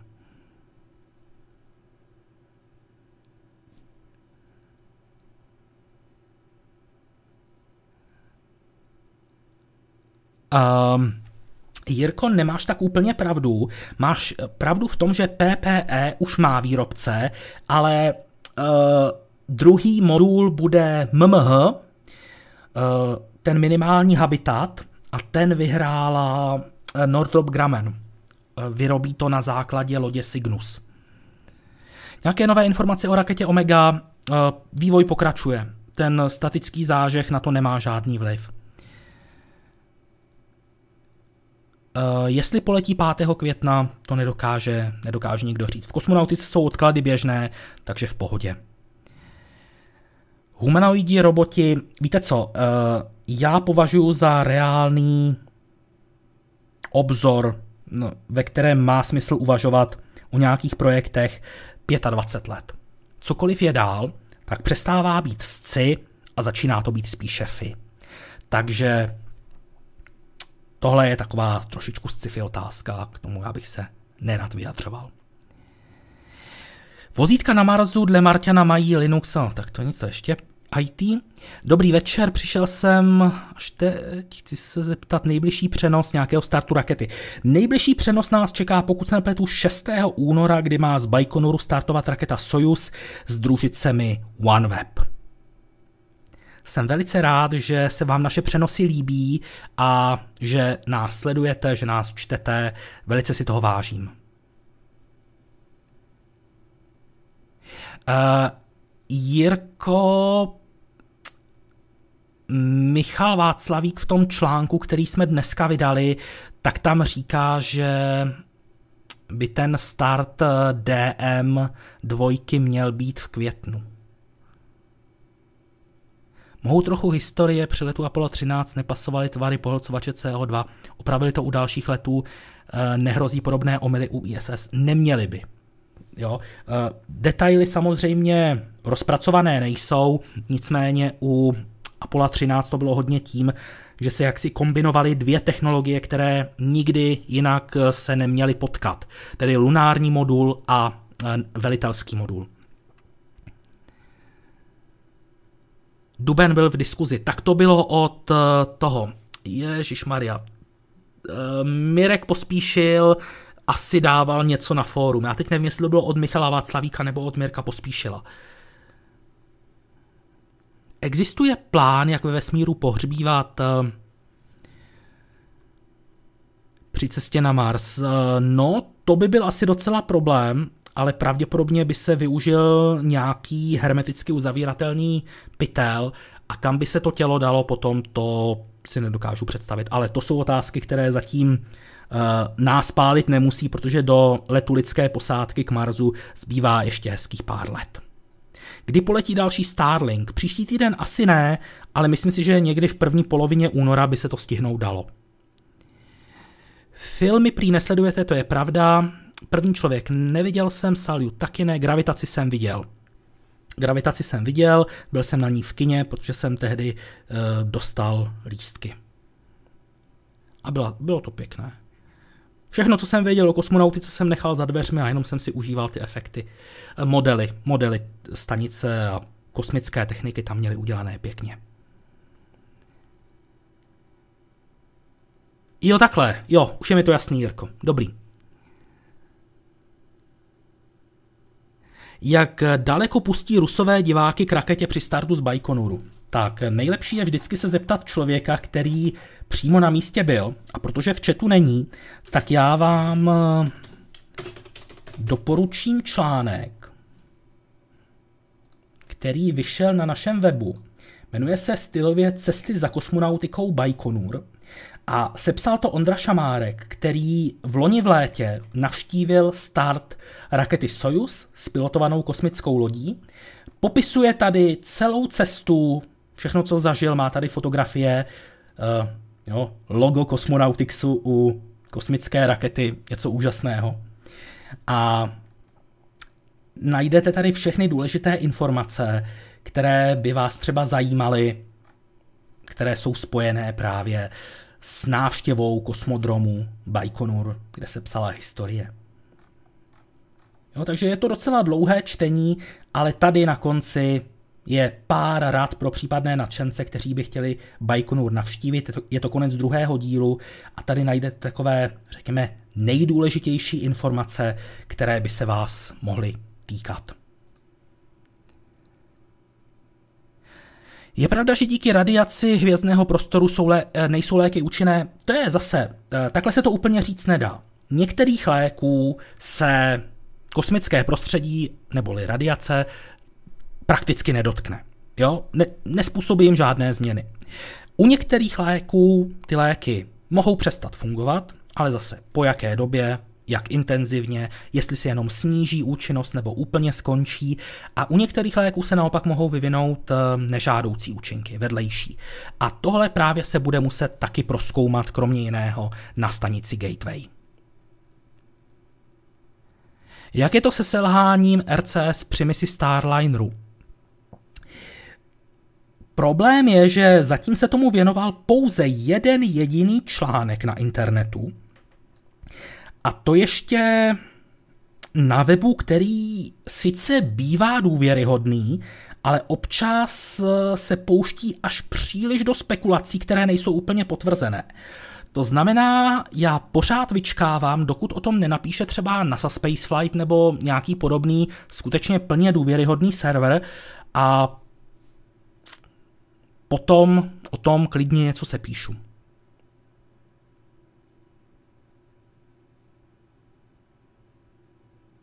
Jo takhle, že vám to tam zakrývalo. Aha, už chápu.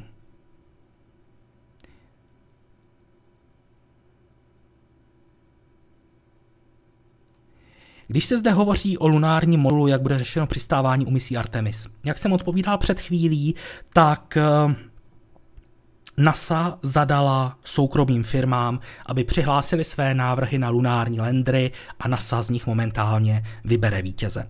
Znamená, ten lander bude čekat u stanice Gateway, k ní doletí pilotovaná loď Orion, eh, posádka přestoupí do Gateway, tam třeba doplní zásoby nebo něco takového, nastoupí do landru, přistane a když bude odlétávat z měsíce, tak zase doletí k Gateway.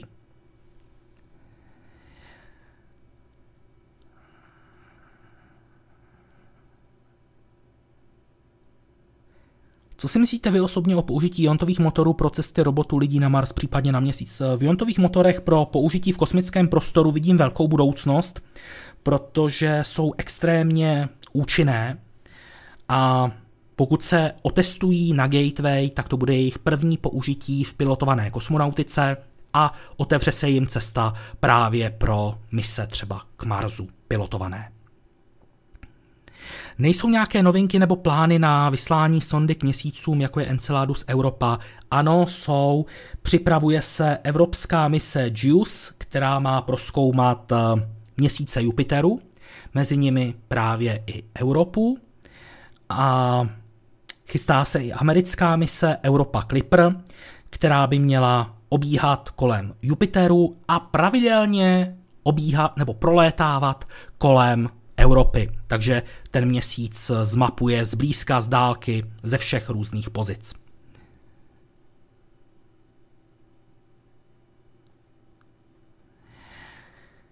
Nejsou nějaké novinky? Jo, to už jsem četl. Má ESA něco podobného v plánu s Ariane?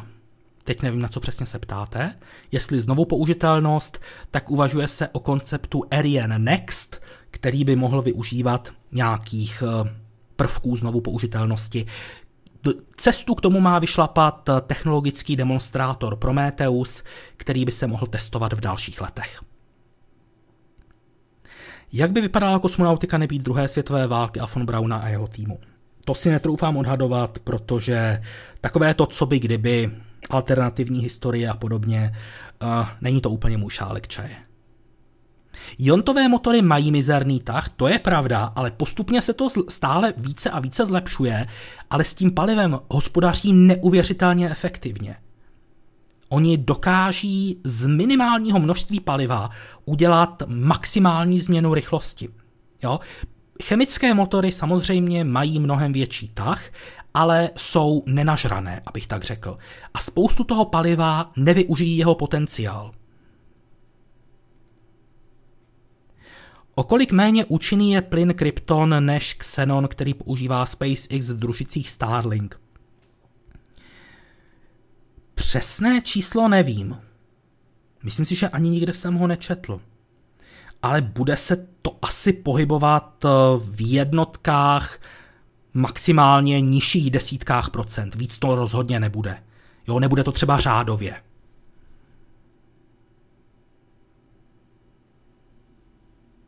Protože kdybychom třeba jenom vycházeli ať už z hustoty nebo relativní atomové hmotnosti, krypton a xenon jsou v podstatě vedle sebe, tak tam ten rozdíl opravdu může být, já nevím, 10-20%. Je zajímavé číst v seriálu o Miru, jak postupně odcházely fotovoltaické panely. Nevíte, jak klesla účinnost panelu na ISS za dobu její činnosti. To se přiznám, že nevím. Škoda, že tady není Michal Václavík, ten by tohle třeba mohl vědět. Proč Rusové neurychlí práce na Vostočném, vždyť zbytečně platí Kazachstánu, už dávno mohli posílat kosmonauty ze svého území? No jo, ono to zase tak jednoduché není. Um, Vostočný trošičku doplácí na to, že se nachází na neúplně dobře přístupném místě. Neříkám, že Baikonur má v tomhle nějakou extra výhodu, ale Baikonur je mnohem blíže rovníku. Takže ty lety jsou tam, řekněme, jednodušší. Ta raketa to má jednodušší. A ono se počítá s tím, že Vostočný by neměl plně nahradit Baikonur. Baikonur by se měl minimálně v těch dalších desítkách let stále používat. Neuvažuje se v blízké době použití atomových motorů. Eh, Rusové oznámili, že někdy kolem roku 2030 by je chtěli použít, ale zatím k tomu chybí nějaké podrobnější informace o parametrech, takže nechme se překvapit. EM Drive, eh, podle mého názoru nafouknutá bublina, která trošičku splaskává v poslední době, ale já vždycky jsem říkal, pokud to chtějí nějak testovat, ať to nainstalují do CubeSatu, který nebude mít jinou metodu pohonu, umístí to na oběžnou dráhu a relativně levně vyzkouší, jestli to mění oběžnou dráhu nebo ne. Takové ty testy v laboratořích, kdy se říká, bylo to na hranici měření, něco jsme naměřili, ale nevíme, jestli to nebyla chyba měření, šum nebo něco takového, by rázem byly bezpředmětné. Krypton má jen asi o 3 až 5% menší e, účinnost specifického impulzu. Výborně, díky moc. Takže jsem to nakonec trošičku přepálil. Já jsem říkal jednotky, maximálně nižší desítky a ono je to 3 až 5% 291 sledujících, to je paráda. Kdo ví, třeba dneska dáme i tři stovky. Byla by to paráda. Jaké je gravitační zrychlení na zrychlení gravitace Slunce na úrovni oběžné dráze Země.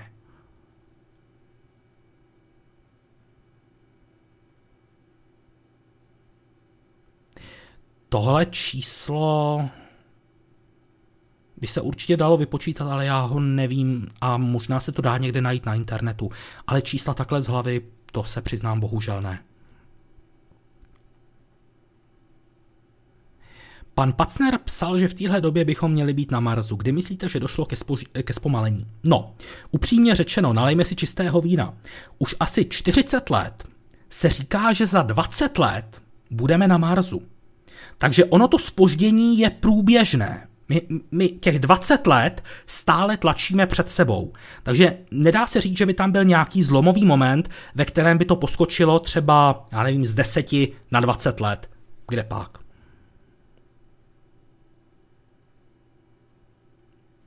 Máte nějaké informace, jestli Čína chce vážně konkurovat eh, ve vesmírných závodech? Tak záleží na tom, co považujete za konkurenci ve vesmírných závodech, ale už jenom to, že Čína dvakrát po sobě uh, zvítězila v takové té soutěži, nebo jak tomu říct, v poměřování sil, v počtu raket vypuštěných za jeden rok, tak to si myslím, že hovoří samo za sebe. Marzovská vozítka měly problém s usazeným prachem. Nedali novým vozítkům nějaké ofukovátko, ventilátor, stlačený plyn. Nedali, protože nová americká vozítka nepoužívají fotovoltaické panely. Jo, ať už Curiosity nebo Mars Rover 2020 budou, nebo ať už používají nebo budou používat eh, radioizotopový termoelektrický generátor. A co se týče evropského vozítka Rosalind Franklin, tak to žádné ometátko nemá, protože jednak má účinnější fotovoltaické panely, než jaké byly k dispozici, když startovali Spirit a Opportunity a navíc už teď víme, že tam probíhá ten samočistící režim. Jak je to s tepelnou ochranou u Starshipu? Uh, bylo zveřejněno už několik návrhů, uvažovalo se o transpiračním chlazení, kdyby se loď zjednodušeně řečeno přes pory potila, odpařovala by třeba kapalný metan a tak dále – v současné době se zdá, že SpaceX dost možná vsadila na nějaké keramické dlaždičky, protože Elon Musk před několika měsíci ukazoval video z testů šestiúhelníkových dlaždic, na které mířily LED lampy, až byly rozhavené do ruda. Ale co nakonec SpaceX použije jako tu finální tepelnou ochranu, to zatím nevíme. A navíc eh, ta nerezová ocel má obrovskou výhodu v tom, že to teplo dokáže krásně rozvést.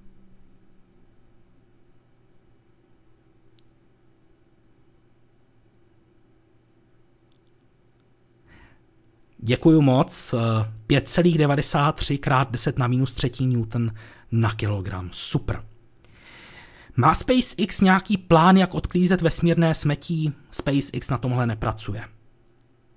Jaká je plánovaná životnost nových roverů s termočlánkem? Uh, životnost je, není správný výraz. Uh, u žádného vozítka se neudává životnost. Udává se pouze doba základní mise.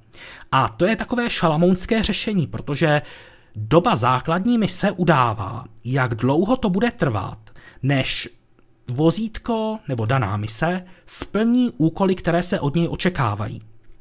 Znamená, že vědci si řeknou, potřebujeme třeba dva roky na to, abychom nazbírali dostatek dat.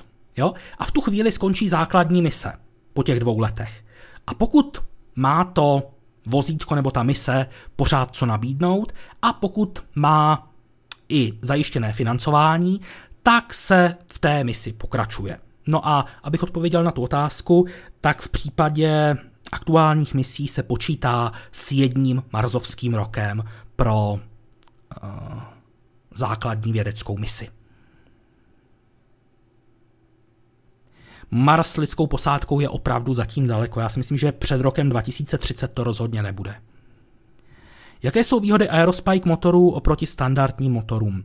Uh, tou výhodou, tak za výhodu můžeme považovat eh, třeba menší hmotnost, ale zase na druhou, a velkou výhodou je i to, že oni jsou použitelné jak v atmosférickém tlaku, tak i téměř v řídké atmosféře téměř váků, ale e, jsou tam určité, řekněme, technické překážky, které zatím brání té realizaci.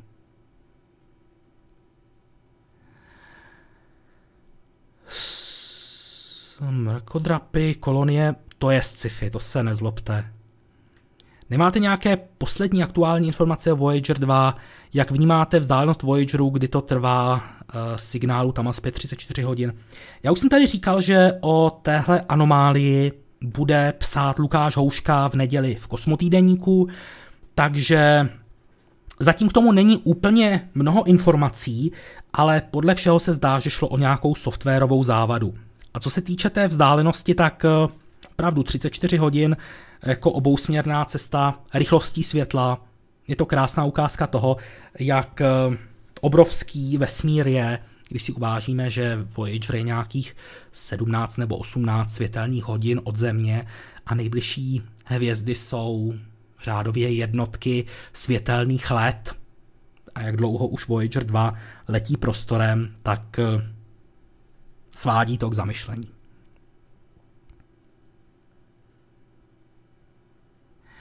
Mohou se někde dostat i k IT odpovědím? Vždy se mi líbilo, když pár minut před startem bylo Falcon 9 Computer Stay Control, mířím. Jasně. Uh, možná Martin Gembec by něco dokázal říct, zkuste mu napsat kontakt má na webu, ale ono to IT málo která firma ohledně toho sdělí něco detailnějšího. Je to tak trošičku know-how. Měl jsi nějaké delší vystoupení v televizi pro Apollo? K Apollo já jsem se nevyjadřoval, protože já se snažím dělat tu historii, teda pardon, snažím nedělat tu historii, já se snažím dělat současnost a budoucnost. To znamená, když bylo výročí Apollo 11, tak já jsem médiím rozhovory poskytoval, ale vždycky jsem říkal, že jsem že se chci bavit spíše o těch aktuálních plánech letů na měsíc, pokračování, jaksi navazování na uh, odkaz programu Apollo a tak dále. Seriál For All Mankind nesleduju. Já nesleduju ani filmy. Kolik peněz stála stanice Mir, to se takhle vyčíslit nedá. Už jenom kvůli tomu, že zpočátku to byla stanice sovětská a Sověti nebyli ohledně financování kosmonautiky úplně sdílní.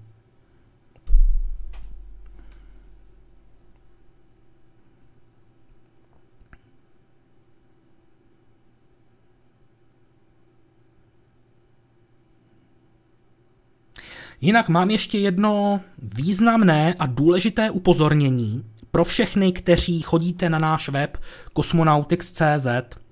Využiju téhle chvilky, kdy tady nebyl žádný dotaz a upozorním vás, že už za nějaké dvě a půl hodiny spustíme něco, na co jsme vás upozorňovali už před eh, několika týdny. A sice, že jak začne 1. únor, tak na našem webu bude možné komentovat články pouze po registraci.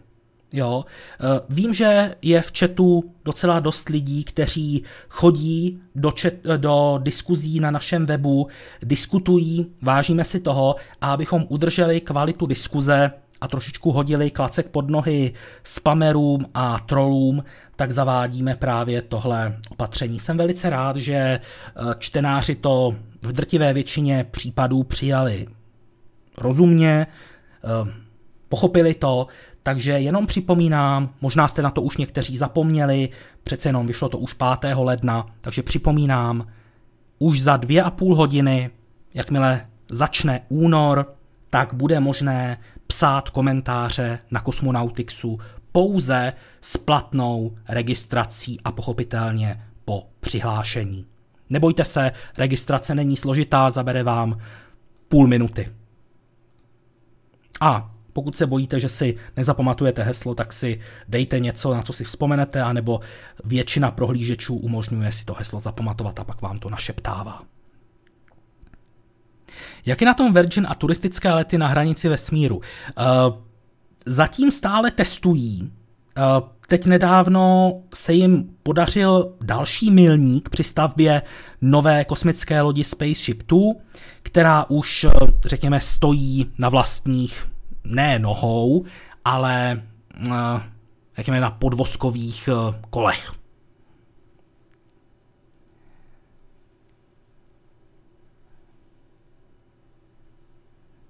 Díky, Pavle, díky, že to taky tak vnímáš. Eh, my jsme o tom docela dost dlouho přemýšleli v redakci, nechtělo se nám do toho, ale nakonec jsme si řekli, že asi jiná možnost nebude. Eh, psal jsem Apollo speciály, jo, takhle. Jo, takhle, Apollo speciál, to živé vysílání s Michalem, aha. Uh, tak uh, podobně velké živé vysílání přímo ve studiu České televize jsem neměl, byla to taková moje mediální maturita, abych tak řekl, a od té doby žádná další takováhle akce nepřišla. Ale měl jsem spoustu rozhovorů, uh, řekněme, menšího rázu pro českou televizi, pro český rozhlas a tak dále.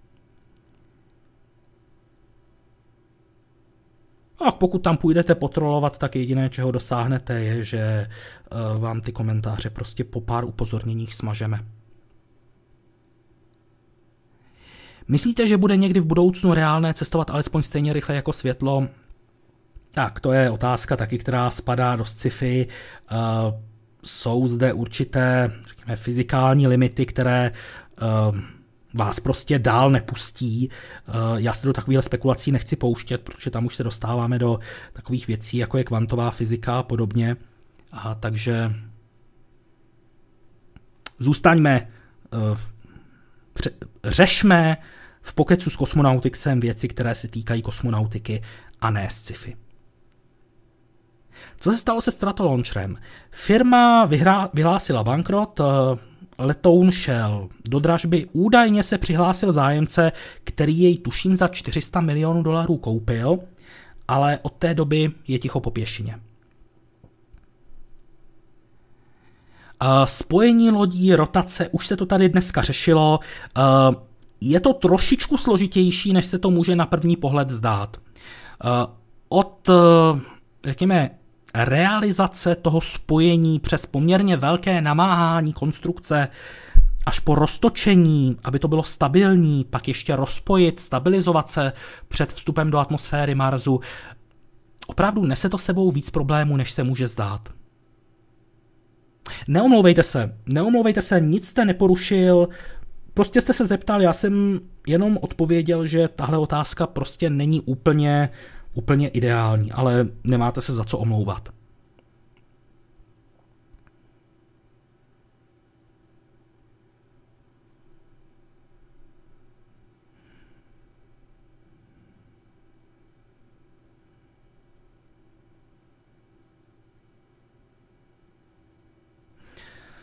Jelikož zatím žádná další otázka nepřišla, tak já toho znovu využiju a ukážu obrázek, který jsem tady ukazoval už asi před půl hodinou.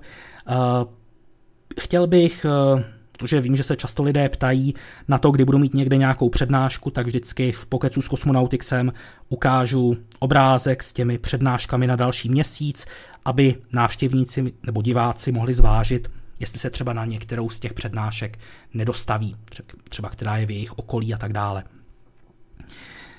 Uh, Opět, eh, protože mohl tady být třeba někdo, kdo přišel až později, tak to třeba neviděl, třeba se mu to bude hodit, tenhle obrázek. Znovu připomínám, tyhle termíny, tyhle přednášky platí teď ale vždycky předtím, než na nějakou přednášku vyrazíte, ověřte si to u organizátora, jestli se nic nezměnilo, jestli stále platí čas, jestli přednáška nebyla pro nezájem zrušená, jestli se třeba platí vstupné, jestli si musíte koupit lístky dopředu.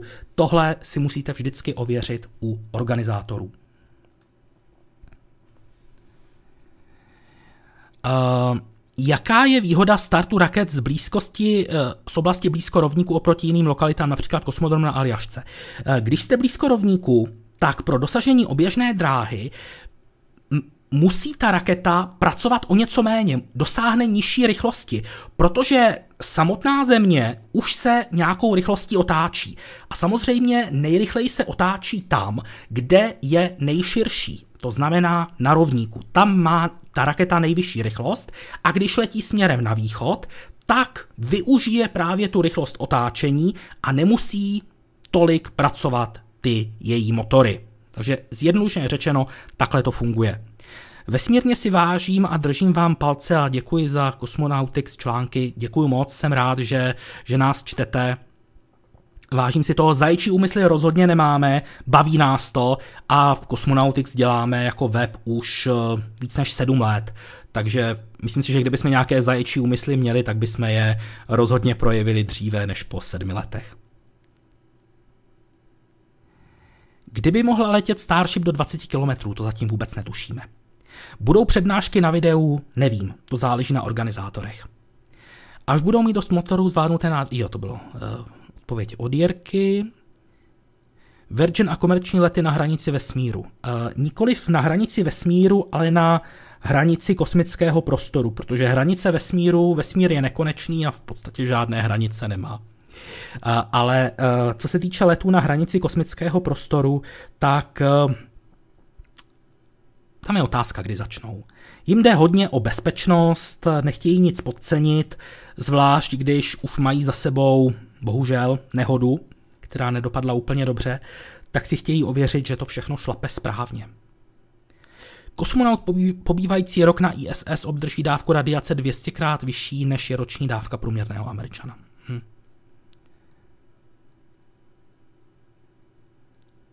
Ty přednášky budou někde na YouTube. Byste měli mít prostor v televizi. děkuju, děkuju. Děkuji za pochvalu. Eh, přednášky organizátoři většinou nahrávají na YouTube. Prakticky je to výhradní, výhradní místo, kam se ty přednášky nahrávají.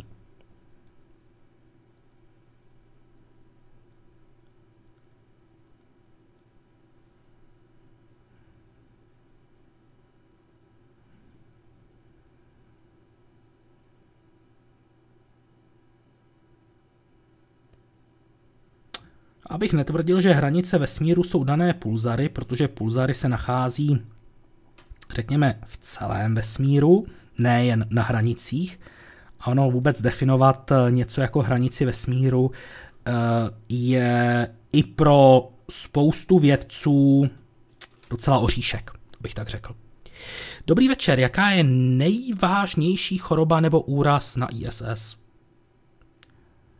Přiznám se, že obecně o žádných úrazech nebo chorobách na ISS eh, se informace neobjevují. Takže za takový nejvážnější případ, který můžeme, uh, který, o kterém víme, tak to byla situace, kdy se v krční žíle jednoho astronauta objevila, objevila uh, usazenina. Ale nakonec se jí podařilo, podařilo rozpustit. To mohlo být někdy v roce 2018. Řeší se u vozítka Mars Rover 2020 absolutní čistota? Samozřejmě. To se řešilo už u Curiosity. Takže dezinfekce, všechno ve sterilní čistotě. Lidé, kteří se dostanou do styku s vozítkem, tak jsou oblečení od hlavy k patě ve speciálních sterilních oblecích.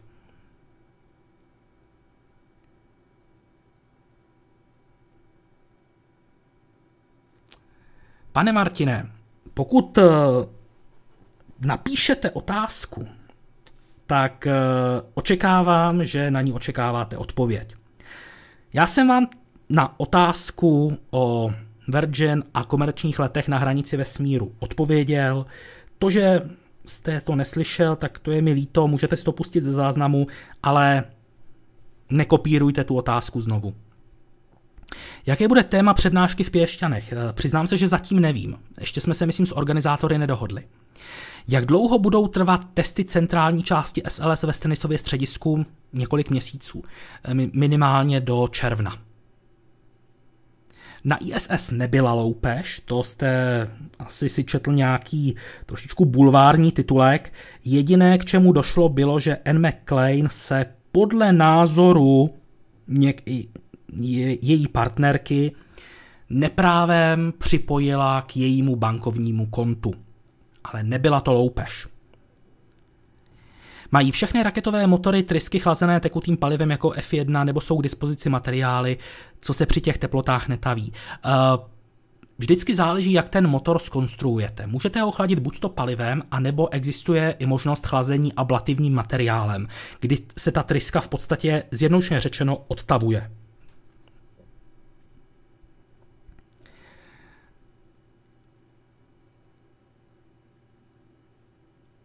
Jsem rád, že se vám diskuze líbila.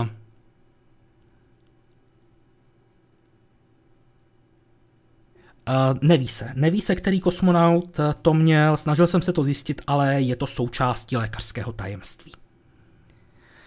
Jaký máte názor na příznivce ploché země? Uh, myslíte na palačinkáře? Já si z nich dělám legraci. Já si prostě myslím, že nemohou být tak hloupí, že to prostě jenom hrají. Uh, buď to chtějí být zajímaví, ale nevěřím tomu, že je někdo tak hloupý a myslí to vážně. Jak vypadá vývoj zdokonaleného malého jaderného reaktoru, který představil cirka před dvě, jedním až dvěma lety? Myslíte Kilopower? Uh, ten vývoj pokračuje, dokonce by měl přerůst do většího projektu, který se má jmenovat Megapower, ale zatím nejsou k dispozici žádné bližší informace. Jo, eh, reakce, eh, pozitivní reakce na přenosy na MOL TV mě skutečně ohromně potěšily, zvlášť po těch eh, stovkách, nebojím se říct, kritických až velmi kritických komentářů, které si často vůbec nebrali servítky. Neříkám, že to bylo lehké období, ale o to víc si možná vážím teď těch pár pochválných komentářů, kdy lidé prostě dokázali říct, OK, udělal jsem chybu a není to, nebo teď už to není takové a myslím si, že by mělo zaznít, že se to zlepšilo a toho si vážím na našich čtenářích.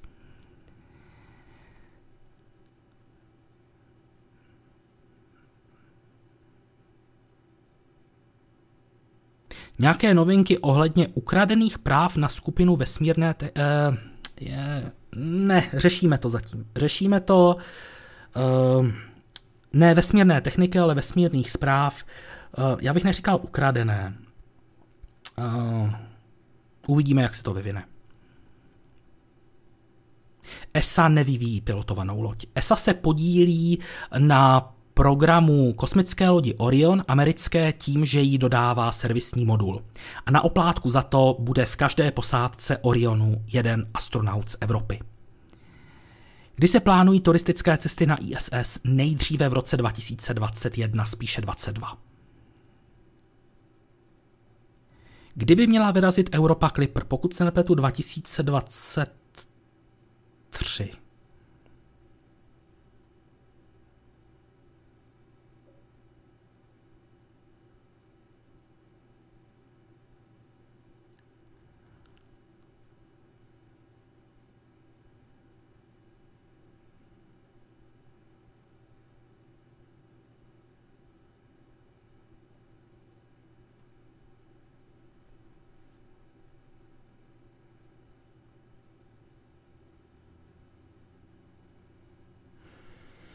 No, já si myslím, že pomaličku se nám blíží ta dvouhodinová meta, kterou jsem tady avizoval, takže pomaličku se připravte na to, že přenos bude končit. Eh, jakmile, abyste si nemysleli, že tím, že zkrátíme nebo ukončíme přenos, o něco přijdete, tak jakmile přenos doběhne, tak já spouštím rendrování vesmírných výzev, které by měly vyjít eh, v neděli. Takže se tady sejdeme zase, nemusíte se bát.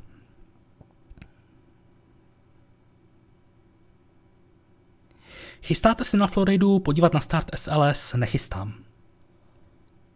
Mně se moc líbilo Cassini Highlands, chystá se mi se do oceánu. Uh, ne do oceánu, ale velice zajímavá mise americká, jmenuje se Dragonfly. Má startovat v roce 2026 a je to dron, který bude létat v atmosféře Titanu z místa na místo a provádět kontaktní průzkum. Měl by takhle urazit během několika měsíců několik desítek kilometrů vzdálenost a proskoumat různé biotopy. Už se nalezl nový cíl pro New Horizons, ne vždy ta sonda ještě zatím ani neodeslala všechna data z průletu kolem planetky Arokot. Tam se na nic nespěchá. Došlo k nějakému posunu ve vyšetřování navrtané díry v Sojuzu, údajně vyšetřování stále probíhá. A jestli bude někdy zveřejněn nějaký závěr, veřejně možná ne, ale NASA se to pravděpodobně dozví. Už se vám podařilo setkat s panem Grigarem? Nepodařilo. Osobně jsme se zatím ještě nikdy nepotkali a myslím, že jsme si ani nikdy virtuálně nepsali, nekomunikovali jsme spolu. Zatím jsem neměl tu čest. Něco takového bude i na Marsu. Ano, to bude, řekněme, testovací prototyp uh, vrtulníku, který by se mohl pohybovat v atmosféře Marsu, poletí tam s vozítkem Mars Rover 2020 a on má vyzkoušet, jestli je možné využívat právě eh, helikoptéru, vrtulník pro průzkum Marsu. Na Marsu je problém, že má velice řídkou atmosféru, ta dosahuje sotva setinové hustoty vůči té pozemské, ale zase na druhou stranu je tam jenom třetinová gravitace, tudíž když se ty uh, rotory budou točit dost rychle a budou dost velké, tak by to mělo stačit na vzlet. A na přistání samozřejmě.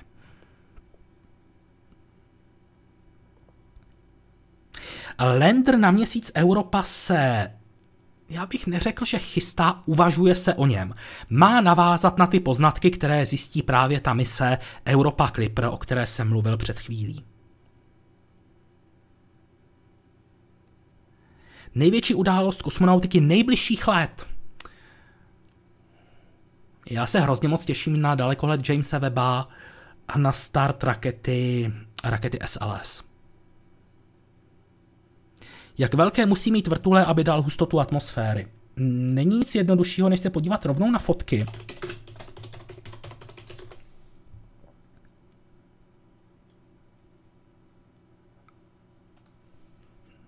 Tady.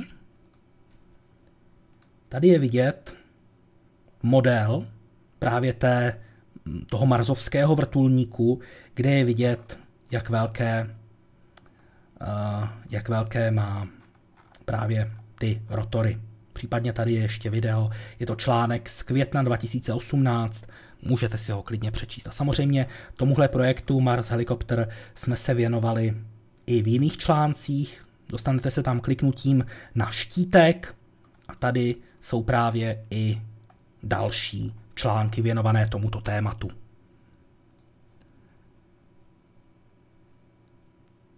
Je pravdou, že palivo pro pomocné rakety SLS se plní již nyní, to vydrží v pořádku až do startu? Ano, dokonce už je odlité, několik měsíců. E, nepředstavuje to vůbec žádný problém. Ostatně třeba vojenské rakety na tuhé pohonné látky byly natankované třeba i 10, 15, 20 let a vůbec nic se s nimi nestalo. Oni byli neustále připravené, plně natankované, čekali na to zmáčknutí červeného tlačítka, aby vyrazili na tu svou smrtící mezikontinentální misi k čemuž naštěstí nikdy nedošlo.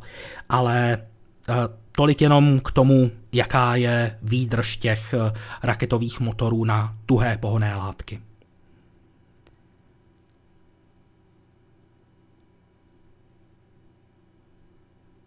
Jo, to je právě to video, o kterém jsem mluvil, že je v tom článku. Dragonfly, určitě. A ostatně i Juice nebo, nebo Europa Clipper. V čem je SLS technologicky tak speciální? Mimo to, že je raketa tak obrovská, uh, vůbec se neomlouvejte za otázku, ta otázka je úplně v pořádku. Uh, v čem je tak speciální? Bude speciální tím, že bude tak silná. Nejenom, že bude velká, ale bude i silná.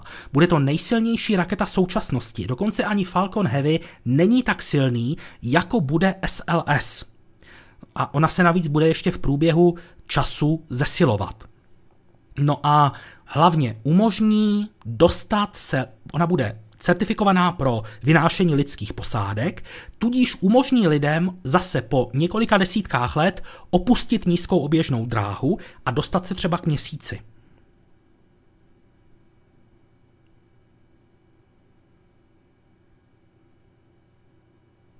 Rezerva v tlaku 8,5 baru, eh, o které Elon psal, je to myšlené na kryogenní teplotu nebo obecně? Uh, Elon říkal, že během provozu bude tlak uh, očekávaný v nádržích 6 barů. To znamená, počítá s, kryo, s kryogenními teplotami.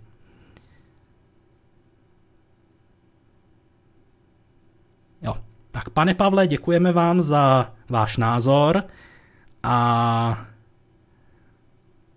Myslím si, že jste se asi trošičku netrefil do našeho tématického ranku. SpaceX údajně na Falconu 9 využívá k řízení normální procesory a paměťová média třikrát ještě ne kvůli radiaci. Bude to mít BFR, dá se to očekávat pravděpodobně, ale očekával bych eh, to minimálně u těch prvních testovacích exemplářů a u těch, které budou třeba určeny pro lety mimo nízkou oběžnou dráhu, tak tam to asi už bude SpaceX řešit trošičku jinak. SLS eh, sice používá technologii urychlovacích eh, stupňů od raketoplánů, ale zachraňovat se nebudou.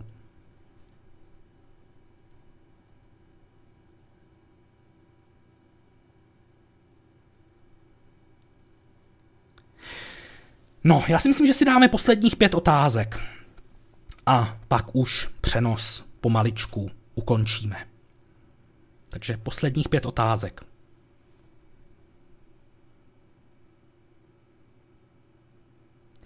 Výkonu SLS bude uměrná i cena za start. Ano, bude. Uh, nebude, nebude dobrá, bude, bude opravdu vysoká, uvažuje se zhruba tak eh, o miliardě dolarů za start. Protože ta raketa nebude startovat tak často, očekává se v plném provozu jeden, maximálně dva starty ročně a ty fixní náklady se rozloží mezi malý počet startů. Ty fixní náklady musíte platit, ať startujete jednou měsíčně nebo dvakrát do roka a v tom případě ta cena za start vyletí nahoru. Kdy začnou stavět habitaty na měsíci? Těžko říct, nejprve se tam musíme vrátit, po té, co jsme měsíc v rámci programu Apollo opustili a já bych to nečekal, nečekal před, před rokem 2035. Jaká je ekologická stopa raket? Naprosto minimální. Nestartuje jich tolik a v tom globálním měřítku jsou naprosto zanedbatelné. Jsou před nimi spousty a spousty jiných znečišťovatelů, kteří se na tom globálním znečištění podílí mnohem více. Bude někdy článek o připojovaném zákonu USA o kosmonautice, možná to zmíní Jirka Hošek eh, v seriálu Gateway nebo v seriálu Cesta k Artemis 1. Čtvrtá a pro, poprosím po panu Miselfovi, už nepište další otázky, protože to je poslední otázka, na kterou odpovím. Bude při startu SLS vyvíjet větší tah než Saturn 5 eh, v té finální verzi? Ano. Tam má mít eh, nos, eh, nosnost i tah vyšší než Saturn 5.